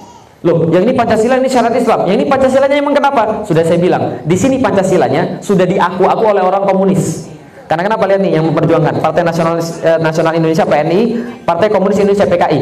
Nah, lalu apa lagi? Partai Kristen, Partai Katolik, partai yang lain-lain. Nah, mereka kemudian memperjuangkan Pancasila sebagai dasar negara. Kenapa? Karena waktu itu Pancasila sudah diaku-aku oleh orang komunis. Jadi Pancasila harus yang kayak begini. Pancasila dimaknai sebagai sosial justice-nya Karl Marx. Maka orang Islam nggak mau. Makanya kemudian Hamka sampai mengatakan ketika sidang konstituante ini, kalau anda pilih Pancasila, anda sama seperti memilih jalan menuju neraka. Lah kenapa? Karena Pancasilanya sudah versi komunis, bukan versi awal lagi kayak yang dirumuskan para ulama. Jelas sampai di sini, Bapak Ibu sekalian. Sebenarnya nggak ada masalah Islam dengan Pancasila. Tapi ketika di sini Pancasilanya diaku-aku oleh siapa? Komunis bisa dipahami sampai di sini. Nah, maka kemudian adalah kemudian proses kemudian uh, apa namanya diskusi kalau ini pengen sosialis, ini pengen Islam, ini pengen kemudian Pancasila. Nah, ketika kasus ini kemudian terjadi, sidang konstituen terjadi, Masyumi, NU dan sebagainya memperjuangkan syarat Islam pada saat itu 1959 dibubarkan sidang konstituen oleh Soekarno lalu kemudian dikatakan dekret presiden. Ini dekret presidennya. Apa intinya? Ini yang sebelah kanan baca. Bahwa kami berkeyakinan bahwa Piagam Jakarta tertanggal 22 Juni 1945 menjiwai Undang-Undang Dasar 1945 dan merupakan suatu rangkaian kesatuan dengan konstitusi tersebut. Artinya, berdasarkan dekret ini, ini adalah dasar hukum bahwa Indonesia sebenarnya sudah dijiwai oleh penerapan syariat Islam. Bisa dipahami sampai di sini? Berarti Islam sama Indonesia dekat atau jauh? Oke, lihat lagi kalau gitu. Indonesia zaman dulu. Nih, Indonesia, lihat Majapahit. Majapahit. Majapahit itu seluas apa sih? Nih, yang warna-warna coklat ini semua Majapahit. Luas? Gede banget. Majapahit Islam atau bukan? Islam atau bukan? Bukan. Majapahit bukan Islam. Raja terakhirnya Brawijaya V. Yang jalannya dekat sini. Brawijaya V. Ya, oke. Okay. Ini adalah kemudian raja terakhirnya namanya Brawijaya V. Saya cerita dulu Bapak Ibu sekalian. Jadi ceritanya begini. Brawijaya V itu hidup tahun 1400-an. 1400-an ada sultan Turki yang terkenal namanya Muhammad Çelebi. Dalam bahasa Indonesia Muhammad kecil. Jadi Muhammad Celebi ini adalah kakeknya Muhammad Al-Fatih. Sudah pernah baca buku saya Muhammad Al-Fatih? Wah, nanti kalau kawan-kawan nanti saya jelasin. Nanti ini kakeknya Muhammad Al-Fatih namanya Muhammad Celebi. Jadi Muhammad Celebi ini dia melihat Islam di Indonesia Itu sorry, dia melihat Indonesia, Jawa Dwipa namanya pada saat dulu, itu jauh banget dari Turki, tapi nggak pernah mendapatkan hidayah nggak pernah mendapatkan hidayah dengan proper. Banyak orang Islam sudah di, diutus ke Indonesia, tapi belum bisa mengislamkan Indonesia. Maka ceritanya begini, ini cerita belum bisa saya konfirmasi, tapi cerita kerennya begini. Kalau cerita cerita biasa, dia mengutus orang, tapi cerita kerennya begini. Dia bermimpi bertemu dengan Rasulullah, dan Rasulullah mengatakan kepada dia, tolong utus kelompok beranggotakan pemuka-pemuka agama, jumlahnya 9 orang ke Jawa Dwipa ke daerah Nusantara. Maka dia kemudian memilih sembilan orang itu dikepalai oleh seseorang namanya Maulana Malik Ibrahim.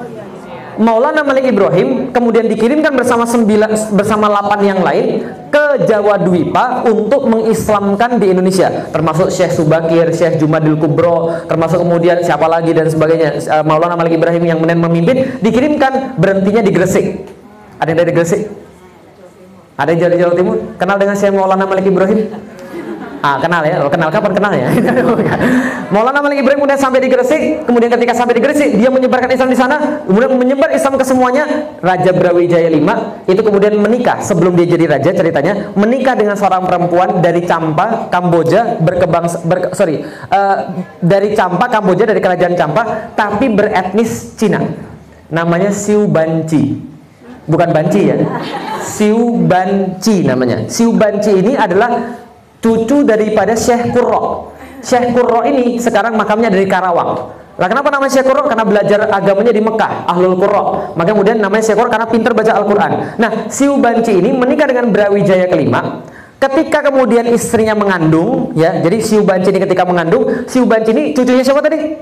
Syekh Kuro, ilmu agamanya tinggi nih orang, perempuan ini. Jadi ilmu, ilmu agamanya tinggi, Islamnya kuat. Ketika lagi hamil, lalu kemudian diceraikan sama suaminya. Gara-gara apa? Karena Brawijaya V menikah lagi dengan satu ratu keturunan kerajaan Campa. Jadi lebih tinggi derajatnya. Nah syaratnya apa? Syaratnya perempuan ini ceraikan istri-istrimu yang lain. Jadi diceraikan 60 orang istri. Ya serius. Ini menurut sejarah. Jadi ibu-ibu sekarang maksimal 4. Itu masih mendingan. Dulu berapa? 60. Diceraikan 60 istri termasuk si Ubanci ini. Istrinya ini kemudian mantan istri ini disuruh pergi ke Palembang Lalu kemudian di Palembang dijaga sama seorang raja Palembang bawahan daripada Brawijaya V namanya Aryo Dilah. Nah, Aryo Dilah ini kemudian menyaksikan kemudian si Ubanci ini melahirkan anaknya namanya Jinbun. Siapa nama anaknya? Jinbun. Nama gedenya nanti Raden Patah. Oh, bukan oh Raden Patah. Jadi namanya Jinbun, lalu kemudian nanti bergelar Raden Patah. Setelah melahirkan Jinbun, sudah melahirkan, dinikahi sama Aryodila, punya anak lagi, namanya Raden Husen. Tapi karena orang Palembang nggak bisa sebut Husen, jadinya Kusen. Nah, karena orang Jawa kan gitu kan ya. Orang Jawa kan nggak bisa bilang ha. Alhamdulillah. Sering benar begitu? Alhamdulillah. Bukan alhamdulillah, alhamdulillah harusnya. Bukan alhamdulillah. Raden Kusen. Raden Kusen sama Raden Patah. Akhirnya kemudian ketika dia disuruh ngurus Palembang oleh Brawijaya kelima, bapaknya belum tahu kalau ini anaknya sudah lahir. Langsung kemudian nggak mau pergilah ke Gresik berguru sama Sunan Ampel. Berguru sama Sunan Ampel. Setelah pergi Sunan Ampel, Sunan Ampel bilang, kamu buka hutan di Gelagah Wangi. Kamu buka hutan di Gelagah. Gelagah Wangi itu di mana? Di sebelah baratnya Gresik. Gelagah Wangi dibuka, mendirikan kemudian pemerintahan di sana, kedengeran sama Brawijaya kelima, oh ternyata anak ini sudah besar. Ini ada orang yang kemudian punya kerajaan besar di Gelagah Wangi, dipanggil, ini berbahaya, panggil. Ternyata anaknya sendiri. Ketika ternyata anaknya sendiri sudah tahu, anaknya bilang sama bapaknya, masuk Islam pak. Brawijaya lima disuruh masuk lima, nggak Islam, nggak mau. Didatangi lagi Sunan Ampel, nggak mau. Didatangi Sunan Kalijaga, masuk Islam. Brawijaya lima masuk Islam, akhirnya kemudian Brawijaya lima bilang, oke okay, kalau begitu Gelagah Wangi sekarang saya ganti namanya menjadi Demak.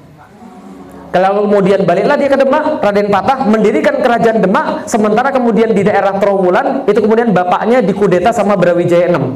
Brawijaya VI dibunuh sama Brawijaya VII. Brawijaya VII diserang sama Kesultanan Demak, jadilah kemudian Kesultanan Demak Bintoro yang baru. Kesultanan Islam pertama di tanah Jawa. Siapa yang mendirikan? Raden Patah atau namanya Panembahan Jinbun tadi. Nah Ustadz siapanya? Saya nggak tahu saya siapanya gitu kan. Kayaknya saya bukan siapa-siapa. Jelas sampai di sini Ibu sekalian. Nah maka bergantilah kemudian menjadi kemudian Demak. Demak kemudian setelah itu punya anak, punya anak, punya anak digantikan Kerajaan Pajang. Siapa Kerajaan Pajang? Kerajaan Pajang didirikan oleh Joko Tingkir. Sultan Hadiwijaya. Sultan Hadiwijaya gelarnya Joko Tingkir, nama kecilnya Mas Karbet. Nah kemudian setelah kemudian Joko Tingkir kemudian ini diturunkan Pangeran Benowo, diturunkan lagi, ujung-ujungnya kemudian ketika dia punya musuh namanya Arya Penangsang, Arya Penangsang ini kemudian dikalahkan sama Panembahan Senopati, Panembahan Senopati membuka kemudian daerah kota gede jadi kerajaan Mataram. Jelas ya? Jadi Demak, kemudian Pajang, kemudian Mataram. Siapa yang ngurus semua ini? Wali Songo yang dikirim oleh Kesultanan Turki, yang dikirim oleh Utsmani pada saat itu. Nah, terus menerus dikirim, terus menerus dikirim. Akhirnya kemudian setelah Wali Songo ini kemudian dikirim. Nah, ini kemudian gambar-gambarnya Ibu sekalian. Lihat nih. Ini namanya Muhammad Chalebi. Mengirim gambar yang katanya Maulana Malik Ibrahim. Mengirim untuk apa? Main catur berdakwah jelas ya. Bukan main catur ya. Berdakwah di Indonesia. Mengislamkan orang Indonesia kemudian apa hasil pengislamannya? Surya Majapahit tahu? Surya Majapahit tahu? Ini salah satunya. Surya Majapahit jadi Majapahit dulu punya gambar lambang matahari. Matahari segi 8 yang ujungnya dewa-dewa semua. Nah ini lambangnya diambil oleh Raden Patah sebelah kanan. Sipit atau enggak? Nah, karena ibunya Cina Nah, jelas ya. Lah kenapa orang Palembang banyak yang Cina? Karena tadi keturunan Raja Campa tadi. Nah, gitu. Si Banjir. Nah, ini kemudian Raden Patah. Raden Patah kemudian mengambil lambang Surya Majapahit itu. Jadi, siapa yang dari Demak? Ada yang dari Demak atau pernah ke Masjid Agung Demak? Pernah. Kalau lihat Masjid Agung Demak, lihat tuh uh, masjidnya itu lambangnya itu lambang matahari. Itu Surya Majapahit. Tapi diganti sama Raden Patah, diganti Surya Majapahit, dewa-dewanya dibuangin, di tengahnya ditulisin Allah. Anu diganti sama dia. Diambil semua pada Joko, uh, diambil oleh kerajaan Pajang Joko Tingkir, diambil lagi kerajaan Mataram, akhirnya menjadi lambang Muhammadiyah.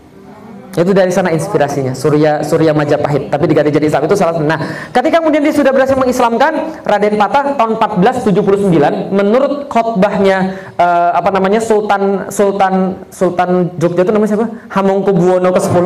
Dia mengatakan begini, pada tahun 1979 Raden Patah menerima gelar dari Kesultanan Utsmani sebagai panembahan Ingalogo, sorry, Senopati Ingalogo, pa, uh, Sayyidin Panotogomo, Khalifatullah ing tanah Jawi. 1479 siapa yang memberikan? Nih orangnya nih. Siapa? Felix Xiao. Oh, bukan. Muhammad Al-Fatih. Yang saya tulis dalam buku saya Muhammad Al-Fatih. Nama Islam saya Muhammad Al-Fatih. Karena uh, karena terinspirasi dari dia. Nama anak saya semua Muhammad Al-Fatih yang laki-laki Nah, kenapa terinspirasi dari dia? Nah, dia kemudian memberikan gelar pada ini menjadi wakil kemudian di Indonesia. Kemudian pada tahun uh, pada tahun uh, 1600-an ini Sultan Agung, Sultan Agung menerima kemudian gelar lagi dari Sultan Murad keempat lalu kemudian menjadi sama. Inga, Senopati Ingalogo Sayyidin Panotogomo Khalifatullah ing tanah Jawi. Di Penogoro punya gelar juga dari Turki juga yang sampai sekarang masih ada buktinya di Imogiri di Jogja. Pertanyaan saya, dari dulu sampai sekarang Islam sama Indonesia dekat atau tidak? Bahkan Islam di Indonesia dari dulu sudah diusahakan oleh para wali songo untuk membentuk kebahagiaan manusia di Indonesia supaya orang Indonesia itu bahagia kenapa dapat Islam. Nah, makanya kemudian ketika merdeka ini yang dipilih oleh para eh, para pendahulu kita ketika pembukaan undang-undang atas berkat rahmat Allah yang maha kuasa dulu pas saya tuh masih SD, eh, pas masih SD, SMP, pas lagi upacara, saya tuh ketika kemudian uh, apa namanya sebelum hormat bendera kan pembacaan UD, uh, pembukaan UD. Saya bilang ini rahmat Allah. Ini Allah yang mana ya? Lah kenapa? Karena Tuhan saya di dalam Al-Qur'an namanya Allah pada saat itu. Masa Allah di dalam eh, Alkitab ternyata salah saya masuk? Ya Allah, begitu kemudian orang di negeri ini yakin betul bahwa bukan kita yang memerdekakan Indonesia. Tapi siapa yang memberikan Indonesia? Atas berkat rahmat Allah yang Maha Kuasa. Karena itu Islam berarti di Indonesia. Karena apa? Karena Islam. Karena itu Indonesia menjadi berarti. Bisa dipahami Ibu sekalian. Apa buktinya? Nih sekarang saya tanya. Pertanyaan uh, sorry, pertanyaan yang terakhir Ibu sekalian. Kalau sana ibu-ibu mati di Indonesia sebagai warga negara Indonesia, tapi bukan muslim, mau nggak? Kenapa nggak mau? Karena wajib matinya muslim. Karena muslim itu yang penting. Jadi paham ibu sekalian? Karena nanti kalau sudah mati, ibu-ibu nggak dikelompokkan. Orang Indonesia sebelah kanan, orang Arab sebelah kiri, begitu? Enggak, tapi yang dikelompokkan apa? Yang kafir sini, yang iman sini, betul begitu?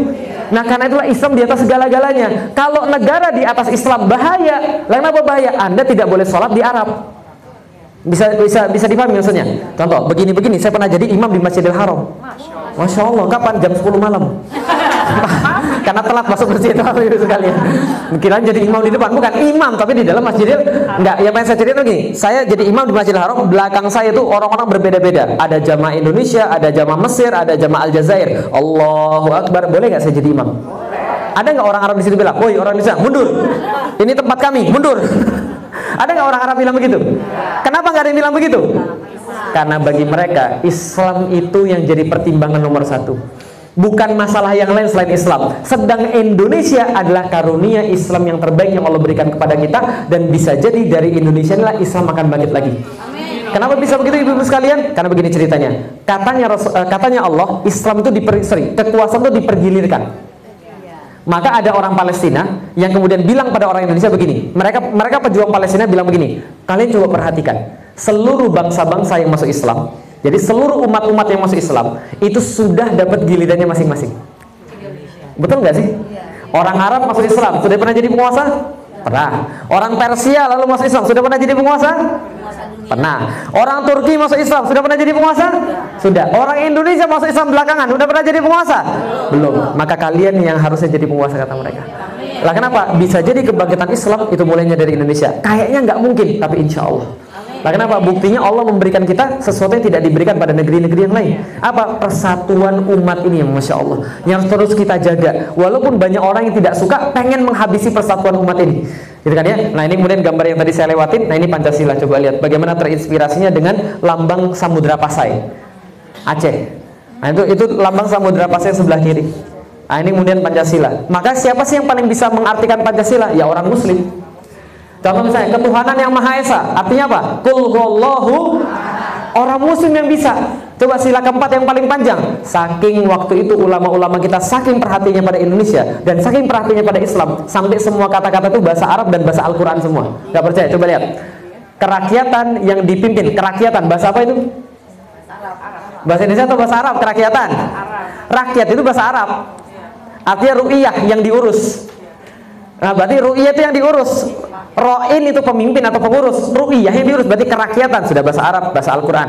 Kerakyatan yang dipimpin oleh hikmah. Bahasa Al-Qur'an tidak? Hikmah itu artinya apa?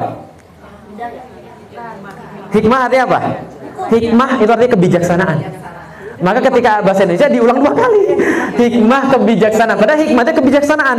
Makanya hakim itu dari kata hikmah, orang yang bijaksana, bukan hanya orang yang tahu benar dan salah, bukan, tapi yang bijaksana. Bisa dipahami bisa lihat hikmah kebijaksana dalam musyawarah bahasa apa? Syuro bahasa Islam, bahasa Al-Quran, perwakilan, wakil bahasa apa? Bahasa Al-Quran lagi, wakalah, bisa dipahami ibu sekalian. Nah, artinya saking kemudian perhatiannya para ulama, ini yang mereka lakukan dalam Pancasila. Jadi Pancasila itu yang paling berhak menafsirkan siapa? Orang Muslim. Zaman sekarang Pancasila seenaknya ditafsirkan. Kemarin lihat ada debat LGBT di TV. Lihat, ada seorang perempuan ditanya, kenapa anda dukung LGBT? Padahal kan kita negara yang berketuhanan. Dia bilang gini, iya, ketuhanan yang maha esa, ketuhanan kan tidak harus bertuhan. Loh, tafsir macam apa itu? Ketuhanan tidak harus bertuhan. Bisa dibayangin teman sekalian. Berarti sama aja mengatakan begini, kemanusiaan tapi tidak harus manusia. Bisa dipahami sekalian. Nah, siapa yang bisa mengartikan Islam yang sorry, Pancasila paling bagus? Ya Islam. Nah, karena itulah Bapak Ibu sekalian, itu inti materi yang ingin saya berikan. Indonesia itu berharga karena ada Islamnya. Anda itu berharga karena ada Islamnya. Coba lihat saya, ibu-ibu lihat saya. Lihat mata saya. Kira-kira sama gak kayak matanya ibu-ibu sekalian? Sama atau tidak? Oh, beda dikit. Bedanya di mana ibu-ibu sekalian? Bedanya di mana kira-kira? Oh lebih sipit gitu kan ya? Lebih sipit segaris. Pertanyaannya Ibu-ibu sekalian Saya namanya Felix Xiao Saya orang Cina makanya matanya sipit Kulit saya putih karena itu saya uh, Kulit saya putih karena saya orang Cina. Saya lahir di Palembang Sekarang tinggal di Jakarta Istri saya satu Anaknya empat Jangan dibalik ya. ya istri saya satu anaknya empat Nah saya kemudian kerja saya sebagai seorang penulis Pertanyaan saya ibu-ibu sekalian Andai kan suatu saat saya tidak menulis buku lagi Ibu-ibu tetap sayang sama saya atau tidak?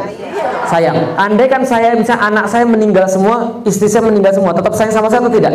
Andai kan suatu saat nanti saya pindah ke warga negara jadi paspor Turki, masih sayang sama saya atau tidak? Kenapa? Paham kira-kira maksudnya? Itulah maksud di dalam Al-Quran Wala tamutunna illa wa antum muslimun. Berarti Islam satu-satu yang paling penting dalam kita. Hati-hati ibu sekalian Kalau Islam paling penting bagi kita Dari sekarang latihanlah Islam. Karena kalau misalnya kita nggak latihan Islam dari sekarang Terakhir nanti pas mau mati Belum, belum tentu bisa ngomong La ilaha illallah jangankan sebelum mati sekarang yang masih hidup saja banyak yang uh, banyak yang tidak diperbolehkan orang untuk ngomong bahasa-bahasa thayyibah banyak yang tidak diperbolehkan ngomong bahasa Al-Quran lah kenapa Al-Quran gak ridho mereka baca Paham ibu sekalian? Kadang-kadang kita merasa, oh saya sudah lama nggak baca Al-Quran. Bukan anda lama nggak baca Al-Quran. Al-Quran nggak ridho anda baca. Makanya anda nggak bisa ngangkat Al-Quran aja malas rasanya. Kenapa? Al-Quran tidak ridho anda baca, masya Allah. Ada orang-orang kayak gitu di dunia. Ngomong amar ma'ruf nahi munkar nggak bisa. Amar ma'ruf nahi mankur. Ngomong la haula wala quwata illa billah nggak bisa. Subhanahu wa ta'ala nggak bisa. Gitu kan ya. Ini subhanahu wa ta'ala nggak bisa. Apa nggak bisa? Hati-hati. Jangan-jangan kemudian sebelum kita mati kita tertunda dari kemudian mengatakan la ilaha illallah Muhammadur Rasulullah. Lah kenapa? Karena nggak pernah latihan ketika di dunia. Di dunia nggak pernah diperhatikan Al-Quran, nggak pernah memperhatikan agamanya, nggak pernah memperhatikan kemudian syariatnya. Ini kemudian bahaya di Indonesia. Nah, tugas ibu-ibu lah yang lebih berat. Kenapa? Di zaman sosial media, orang bilang ibu-ibu satu lebih kuat daripada sepuluh bapak-bapak. Mau kenapa bisa begitu? Karena gini Bapak Ibu sekalian. Ibu-ibu itu kalau sudah main sosial media beda dengan bapak-bapak. Bapak-bapak ngeliat sesuatu, oh ya bagus, syukur-syukur di like. Itu pun sudah paling bagus kalau di like kan ya. Kalau ibu-ibu enggak, lihat sesuatu suka di like, di share kepada semuanya, di repost gitu kan pada semuanya, di tag teman-temannya yang lain itu kan Allah. Nah itu bagus. Lah kenapa? Karena itu penyebaran Islam terasa. Kalau tanpa ibu-ibu enggak mungkin terjadi 411 212. Lah kenapa? Itu main, main 411 itu ya. Eh 212. Saya jalan kaki dari Kalideres sampai ke Monas. 17 kilo. Lah kenapa? Malu sama saudara-saudara kita yang jalan kaki dari uh, dari Garut 300-an kilo. Saya cuma 17 kilo, itu lutut udah mau lepas. Tapi kelihatannya keren banget Ustaz. Itu pencitraan nih bisa sekalian. Saya udah mau mati tuh gitu kan ya. Jalan setiap 300 meter ada yang nawarin makanan, Masya Allah. Ustaz makan Ustaz, Ustaz makan Ustaz. Oh ya saya sudah tadi di rumah. Ustaz bawa saja Ustaz. Saya bawa satu. Datang lagi, Ustaz bawa Ustaz. Itu ibu-ibu bawa Alfat gitu kan ya, bawa sedan. Di belakangnya kemudian dibuka kemudian cupnya. Isinya kotak makanan semua. Masya Allah. Eh Ustaz makan Ustaz silakan Ustaz. Saya bilang sudah ada ini. Bawa pulang untuk anak-anak Ustaz. Orang mau akses suruh bawa makanan. Kan. Tapi luar biasa. Kalau nggak ada ibu-ibu nggak akan jadi itu semuanya. Nah kenapa? Karena inilah namanya dakwah di zaman sekarang. Maka apa yang bisa kita lihat dari sini semuanya ibu-ibu sekalian? Kesimpulannya adalah apa? Kesimpulannya kita lagi diuji. Kita lagi diuji. Sekarang Islam itu seolah-olah pengen dibuang daripada kehidupan. Padahal menurut kita dari yang kita bahas dari tadi is Indonesia menjadi menarik karena Islam.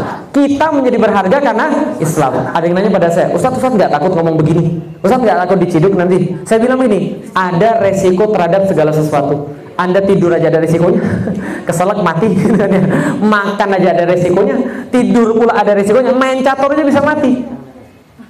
Pernah dengar ada orang main catur mati? Kemarin main caturnya di tengah jalan tol. Semua itu ada resikonya ibu-ibu sekalian. Tapi saya bilang begini, dulu ibu-ibu sekalian, sebelum saya mengenal Islam, saya tuh kayak mayit. Tahu kayak mayit ibu sekalian? Nggak ada gunanya hidup. Tiap hari bangun nggak tahu mau ngapain. Saya dipahami ibu sekalian. Dulu saya makan babi, ibu-ibu belum pernah kan? Oh, belum, saya pernah makan babi. Tiap hari saya makan babi dulu. Dulu makan babi, nggak peduli halal dan haram gitu kan ya. Sama orang tua benci, sama kakak adik nggak akur. Itu sebelum saya masuk Islam. Sebelum masuk Islam saya nggak tahu mau ngapain. Kerjanya pacaran terus menerus, menyakiti orang biasa-biasa saja. Hidup individualis, nggak peduli sama orang. Tapi ketika saya masuk Islam, masya Allah, Allah kasih saya suatu hidup yang baru yang saya hargai setiap hari. Ketika masuk Islam, saya tiap hari bangun tahu mikir apa? Oh, gimana cara agar agama ini diterima orang semakin banyak? Agar materi ini bisa didapatkan orang semakin banyak? Agar orang-orang yang belum Islam mereka bisa hijrah? Agar hijrah bisa istiqomah? Agar orang lebih banyak tahu tentang Islam? Gimana caranya? Gimana caranya? Gimana caranya? Saya dikasih sebuah hal oleh Allah di mana hidup saya jadi berharga. Saya punya istri yang saya sayangi, saya punya anak-anak yang saya kasihi, melanjutkan perjuangan saya. Ibu dan bapak saya sekarang saya sayang. Dulu enggak. Lah kenapa? Saya benci sama bapak saya. Ditanya, siapa yang paling kamu benci? Kakak saya. Yang kedua, bapak saya. lah kenapa? Karena bapak saya jahat. Lah kenapa jahat? Lagi pacaran dimatiin teleponnya. Jadi sederhana. Lah kenapa? Karena kita nggak diajarin rasa sayang ketika belum Islam. Jadi pahami ibu sekalian. Ketika kita masuk Islam, masya Allah kita diajarin bagaimana menghormati orang tua, hatta dia bukan orang Muslim. Kita diajari bagaimana menghormati bapak, hatta dia belum seiman. Nggak boleh kemudian suara kita lebih tinggi daripada orang tua. Nggak boleh kemudian mendoakan mereka yang jelek, taat pada mereka. Yang ngajarin siapa? Islam. Dengan kata lain, sebelum saya masuk Islam saya mayit. Sesudah saya masuk Islam saya dikasih Allah kehidupan. Makanya Allah katakan, ya ayyuhalladzina amanu stajibu lillahi wa lirasuli idza da'akum lima yuhyikum. Coba lihat bagaimana Allah membahasakan. Wahai orang-orang beriman, penuhi perintah Allah dan Rasul. Ketika mereka menyuruh kepada Anda dengan sesuatu yang membuat Anda menjadi hidup. Berarti tanpa Allah, tanpa Rasul Anda itu mayit. Nggak ada nggak ada gunanya hidup Anda semuanya itu. Kalau tanpa Islam, coba lihat, Ibu sekalian, ada yang ada yang pernah melihat kisah hidup artis? Banyak. Menurut Anda kebahagiaan dunia itu apa? Sorry, menurut Anda kebahagiaan itu apa? Kalau bagi orang miskin, pengen kaya. Bagi orang nggak terkenal, pengen terkenal. Tapi lihat banyak orang terkenal bunuh diri. Ada? Banyak orang punya duit bunuh diri. Kenapa? Karena bahagia bukan datang dari situ. Dan Islam menghantarkan semua kebahagiaan itu bagi Anda. Bisa kenal Allah, bisa kenal Rasul, bisa sujud untuk kemudian menyembah Tuhan yang benar, bisa punya anak ngajarin mereka yang benar, punya harapan kalau nanti masuk masuk masuk apa liang kubur mendapatkan kemudian bagian pahala daripada anak-anaknya, surga Allah yang disediakan. Itu indah atau tidak? Mau kehilangan semua itu? Itulah kemudian karunia terbesar pada kita. Karena itulah Bapak Ibu sekalian, kenapa kita berdakwah Islam? Karena kita mencintai manusia, kita mencintai Allah, karena itu kita berdakwah Islam. Bisa dipahami Bapak Ibu sekalian? Nah, mudah-mudahan uh, bermanfaat kajian pada hari ini. Ini tentang refleksi 2017. Ini jam berapa? Baru jam 11. Nah, silahkan kalau ada pertanyaan. Monggo. Boleh, silahkan.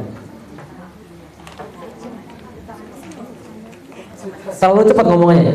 Oh enggak, baik. Nah, silahkan Ibu. Boleh langsung aja boleh. Oh enggak, kedengeran insya Allah.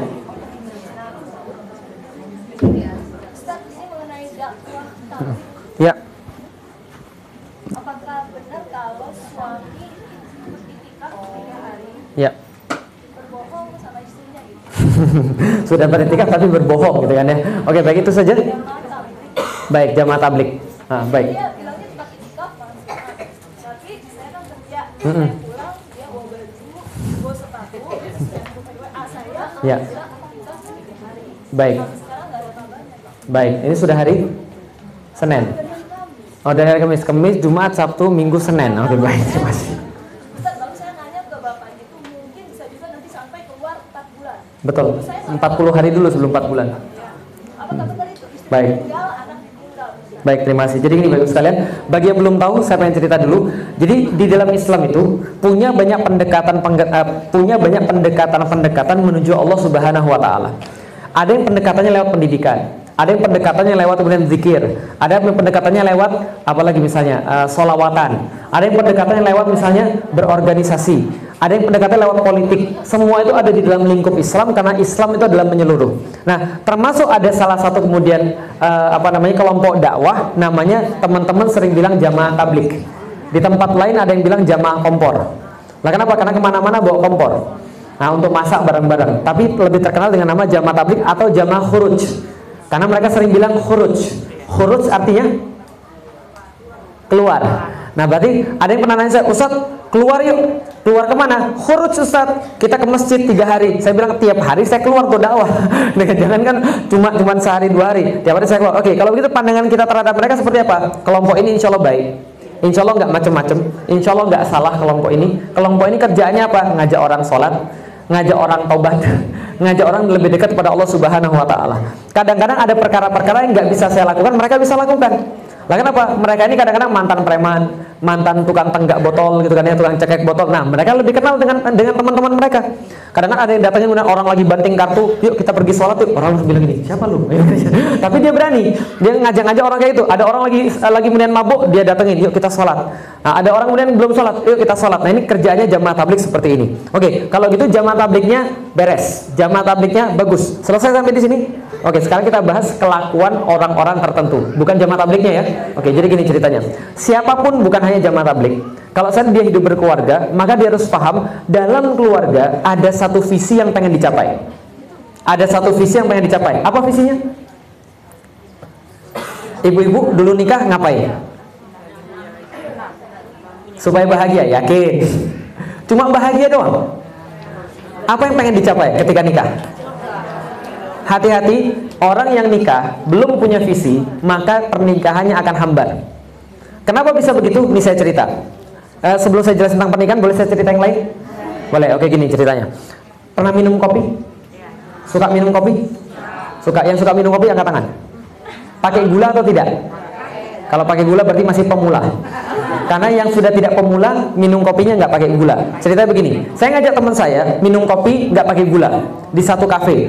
Pas dia minum itu, langsung dia bilang, ini kopi macam apa? Pahit banget, nggak enak banget.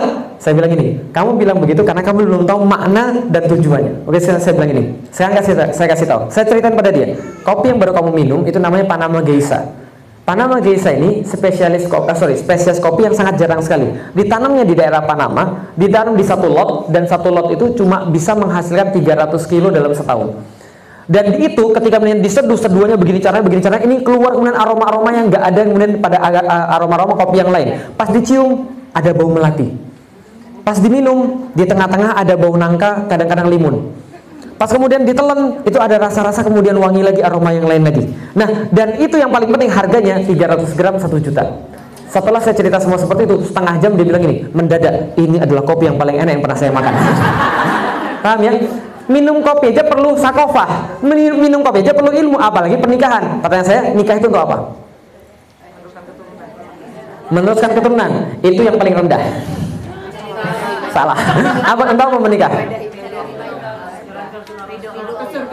Oke, okay, meraih ridho Allah beribadah pada Allah Subhanahu wa taala. Tapi kalau misalnya di breakdown lagi, contoh kayak saya. Saya ketika ngelamar istri saya, saya tulis dalam surat yang masih ada sampai sekarang, saya bilang gini, saya menikahi kamu karena saya pengen bangun keluarga dakwah.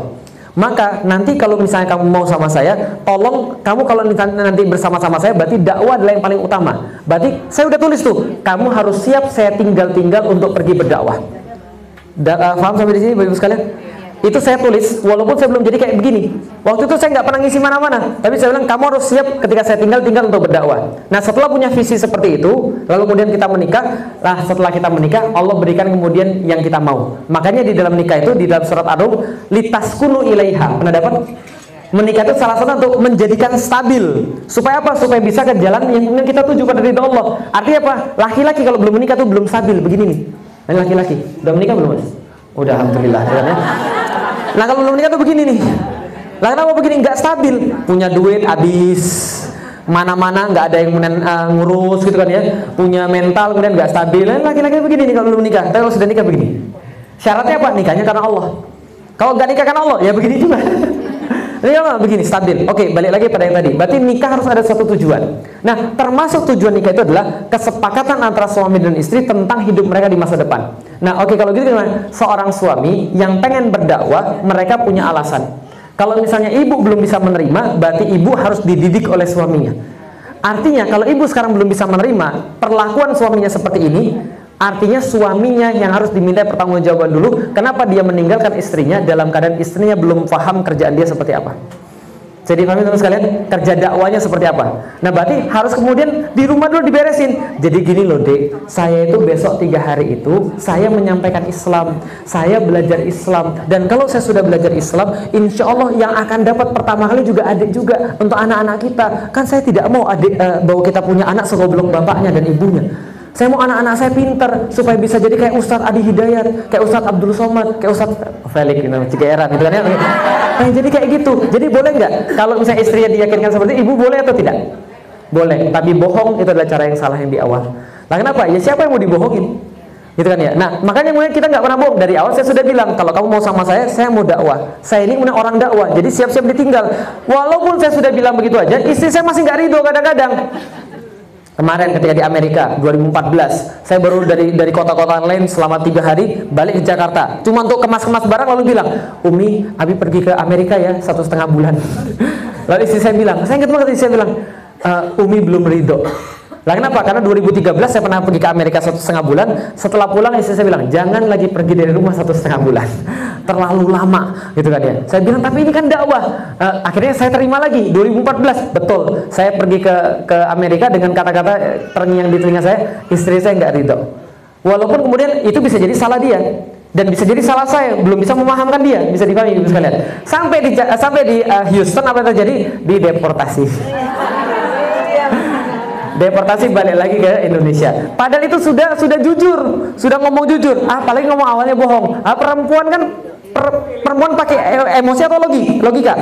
Emosi. Nah, jadi jangan bohong. Sampaikan, saya mau pergi tiga hari, tapi jelasin dulu ini alasannya. Kenapa saya harus pergi tiga hari? Kenapa saya harus pergi 40 hari? Belajar hadis. Saya bilang sama istri saya suatu waktu, Dik, suatu waktu kalau seandainya Abi pergi untuk belajar bahasa Arab langsung di Arab misalnya, mau nggak ditinggalin selama satu tahun? Boleh, tapi uh, Umi ikut bukan ya? Nah kalau umi nggak ikut gimana caranya? Nggak kuat. Saya juga nggak kuat. Nah makanya nggak jadi. Itu kan diskusi keluarga. Bisa dipahami sekarang itu kan diskusi keluarga. Keluarga itu fleksibel. Lah kenapa? Karena tujuannya ridho Allah. Kita pengen ke mana sih sebenarnya? Kalau kita pengen keluarga dakwah nah untuk ke situ harus ada apa? Punya anak ibu punya anak. Nah, punya anak, nah sama. Nah, anak itu pengen ke mana? Nah, maka bapak dan ibunya berkorban untuk kemudian mendidik anak-anaknya. Kalau andaikan suaminya bisa meyakinkan istrinya, maka insya Allah nggak ada masalah. Maka saya bilang begini, setiap perempuan yang bermasalah itu salah suaminya. Itu pasti sudah salah suaminya. Gak usah tanya pada siapa-siapa. Lah kenapa? Karena begitulah Islam mengaturnya. Loh kok dari mana Islam mengatur begitu? Sekarang saya tanya begini. Ketika suami Anda itu menikahi Anda, suami Anda minta pada siapa? Orang tua siapa orang tuanya? Lebih jelas. Bukan ibu ya, jelas ya. Bapak ya, bukan ibu ya. Kenapa pada bapak? Wali. Kenapa bapak jadi wali? Kenapa bapak jadi wali?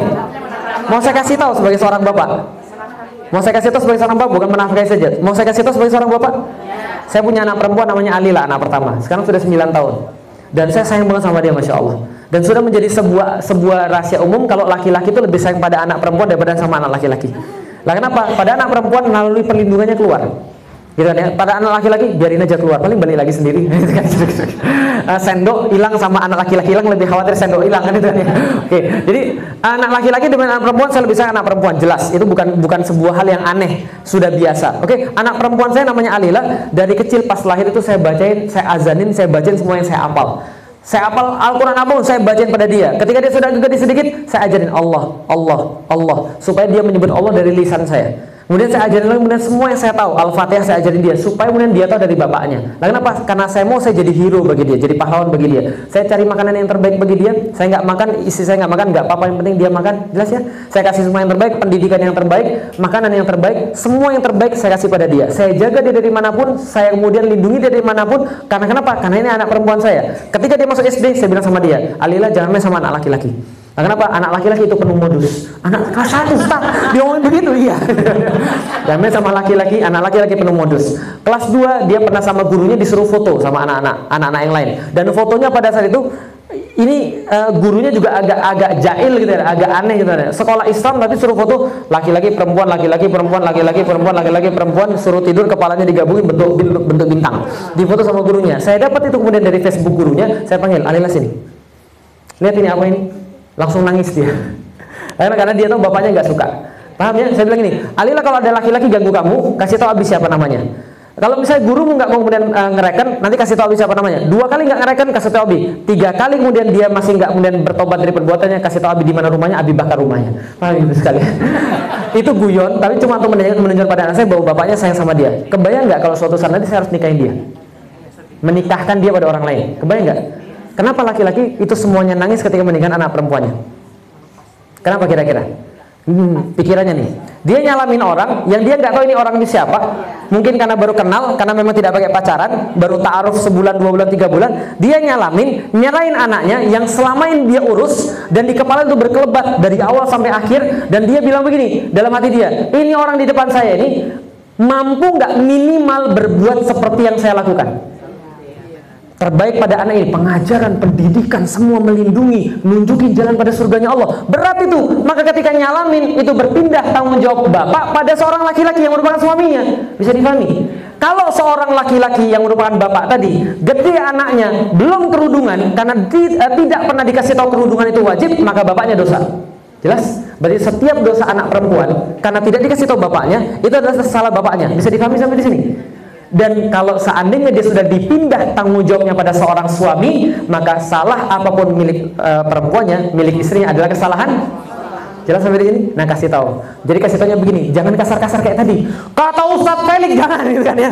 Jadi kasih begini abang after uh, sorry above all bang yang abang kemudian harus pahamkan terlebih dahulu adalah saya saya itu sekarang bisa protes karena saya belum paham. Tapi saya mau untuk paham. Tolong jelasin saya dong apa pentingnya dakwah. Kenapa abang harus pergi tiga hari? Kenapa abang harus pergi empat hari, lima hari? Kenapa abang nggak SMS saya atau nggak WhatsApp saya? Dan jelasin pada saya. Karena di antara seluruh orang di dakwah itu adalah istri sendiri yang kemudian mendukung dulu. Karena kalau istrinya sudah mendukung, selesai semua urusan. Saya nggak peduli kalau semua orang kemudian bilang saya ustadz teroris, ustadz radikal, asal istri saya yang bilang begitu.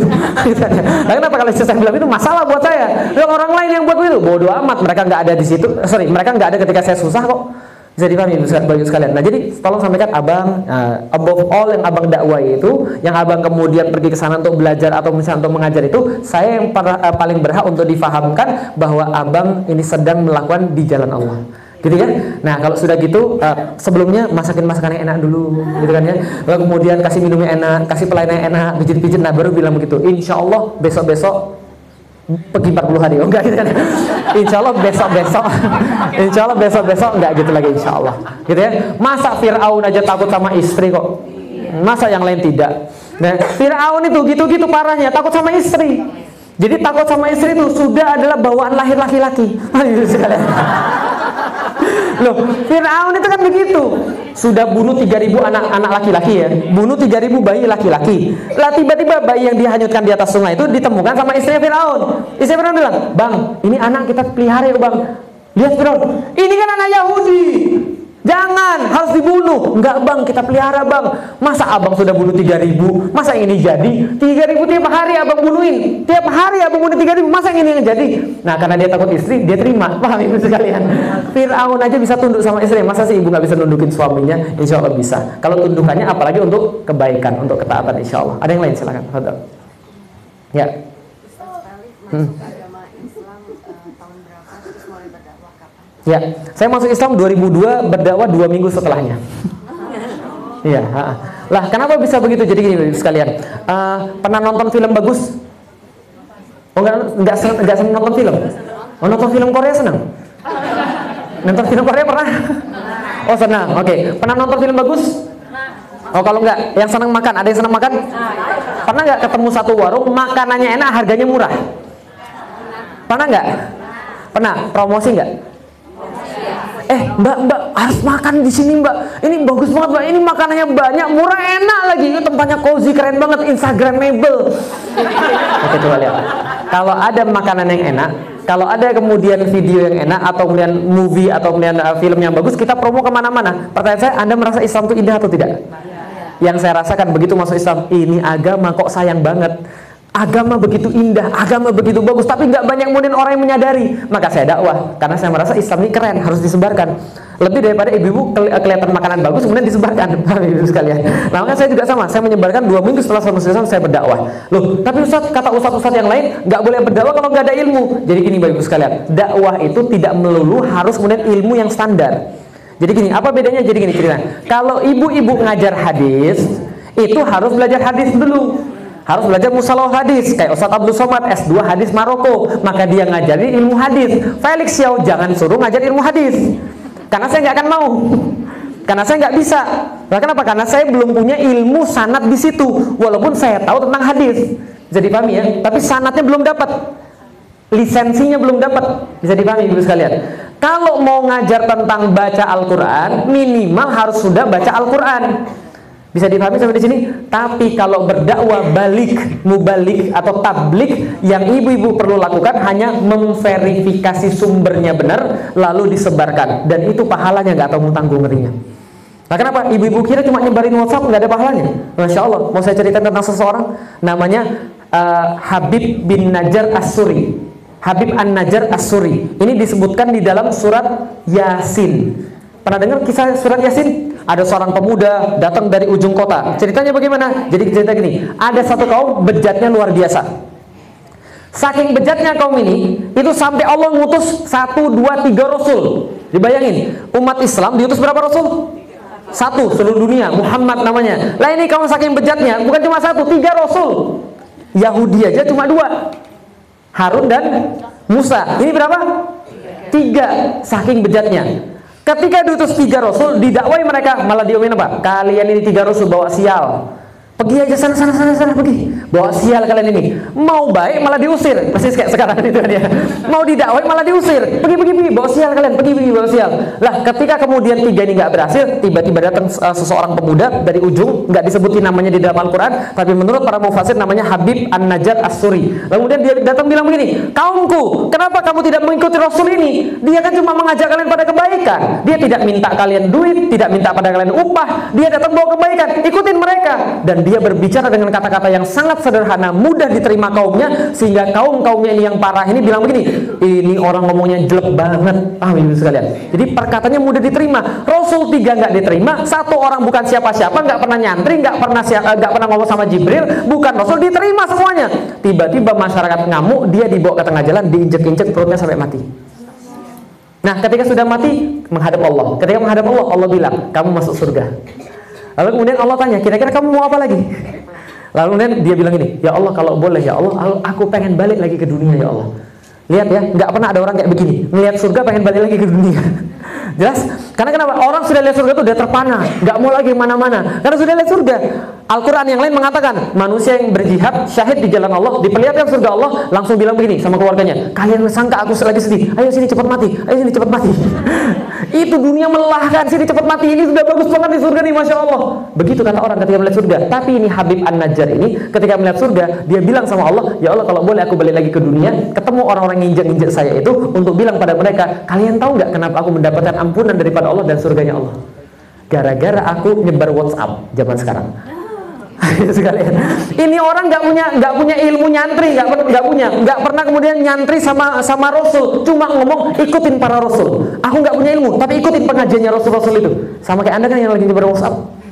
Ikutin kajian ulama ini, ikutin kajian ustadz ini. Ini loh kata-kata ustadz ini tadi pas lagi kajian video. Ini loh videonya, ini loh sebarannya. Itu menyebar banyak. Ibu-ibu tanpa sadar mendapatkan pahala itu, insya Allah masuk surga tanpa hisap. Tapi harus diinjek-injek dulu. Nah itu cerita di dalam surat Yasin. Tapi maksudnya adalah dia berjibaku menyampaikan kebenaran, menyuruh mengikuti orang baik walaupun dia belum punya ilmu. Bisa dipahami ibu sekalian? Jadi dakwah tidak harus seperti itu. Jangankan manusia, anjing dakwah saja mendapatkan posisi yang bagus. Tahu anjing? Tahu anjing? Anjing itu jahat atau baik? Enggak ada anjing yang jahat, enggak ada anjing yang baik. Tapi di dalam Al-Quran anjing itu diumpamakan jelek atau eh, bagus? Jelek. Jadi anjing itu diumpamakan begini. Dalam satu ayat dikatakan jangan kalian jadi seperti anjing yang menjulurkan lidah terus dan kalau menanggapi anjing jangan merasa tersinggung kenapa? karena orang-orang munafik kafir itu menjulurkan lidah terus memang kita ngapain dia tetap menjulurkan lidah jadi ibu-ibu jangan tersinggung kalau ada anjing lewat dia menjulurkan lidah jadi ibu tersinggung, kamu ngapain sih dari tadi menjulurkan lidah terus? ya memang anjing yang begitu. Gitu kan ya. Tapi anjing yang diumpamakan jelek ini dalam surat Al-Kahfi diceritakan apa? Wa kalbuhum zero aihi bil wasid. Diceritakan ada anjing yang kerjanya jolorin tangan di depan gua.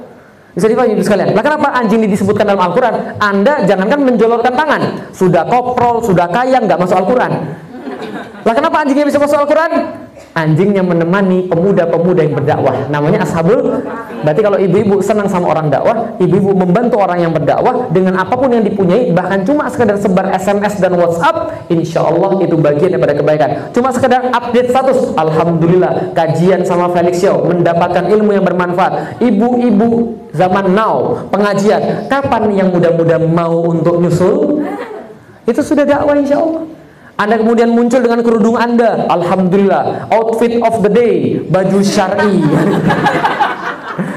Kapan Anda-Anda yang muda mau ikutan? Itu sudah dakwah insya Allah. Lah kenapa? Kita nggak pernah tahu siapa yang bisa meyakinkan orang. Belum tentu saya yang bisa meyakinkan orang. Bisa jadi ibu-ibu sudah meyakinkan orang yang lain. Dan ibu-ibu bisa jadi lebih efektif. Lah kenapa? Maksanya ibu-ibu itu keren luar biasa. Wah ibu ya. Nah itu adalah bagian daripada dakwah. Jelas? Oke. Okay. Ada yang lain silahkan. Fadol. Ya boleh. Oh, nanti belakang nanti. Ya, sini dulu depan. Mau bahas dikit dulu ya, ini yang udah dibubarin ya, ya. pemerintah HTI ya. Mm -hmm. uh, sementara yang di luar memang kita banyak orang nggak tahu ya Hmm. HTI itu sebenarnya seperti apa. Tapi Ya. satu, uh, saya tidak mempermasalahkan hilaf Hmm. ya, saya tidak mempermasalahkan itu. Tapi Hmm. yang saya ingin tanya, karena yang tersebar di uh, kita, gitu, Hmm. sebagian itu HTI itu berpaham gini, tidak mau menggunakan hadis ahad dan tidak. Nah ini tolong dijawab Baik. Ya. Selain ayat hadis ahad apa lagi? Uh, uh, hadis ahad tidak pakai hadis ahad dan Hmm. tidak percaya azab kubur. Baik, Nah, terima kasih. Tolong dijelasin. Baik. Oke, yang di belakang tadi? Ah, boleh, Ibu. Mm-mm. Betul.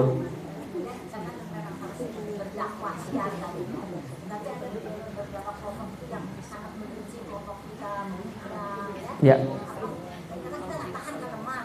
Iya. Baik. Iya betul. Baik, ini kayak pengalaman pribadi Bu ya. Ceritanya sampai emosional itu kan ya luar biasa. Jadi gini Ibu sekalian, saya bahas yang saya bahas yang pertama dulu baru yang kedua. Jadi gini, gimana kalau ada perbedaan di dalam Islam? Jadi gini Ibu sekalian, perbedaan itu ada dua. Satu perbedaan yang boleh, dua perbedaan yang tidak boleh. Yang perbedaan yang boleh kalau pakai dalil, yang nggak boleh kalau nggak ada dalilnya. Contoh misalnya begini, ibu-ibu sekalian, sholat ada yang begini, ada yang begini kan? Nah lihat, nah, lihat ya begini. Nah teman saya dulu ada yang sholat begini, sebelahnya teman saya yang begini. Terus kemudian dia bilang setelah selesai kamu tuh sholat tadi ngapain sih? Kok begini-begini? Aku tuh gak bisa khusyuk ngeliatin kamu itu loh. Karena kamu tuh bergerak-gerak terus. Yang begini bilang begitu. Yang begini bilang, oh kamu belum tahu ya, gini tuh memukul syaitan. Nah ini syaitan kepalanya terpukul sakit. Yang begini bilang, kenapa gini aja sekalian? kenapa bisa begitu? Lihat, orang mempermasalahkan perbedaan yang boleh karena mereka tidak punya ilmu.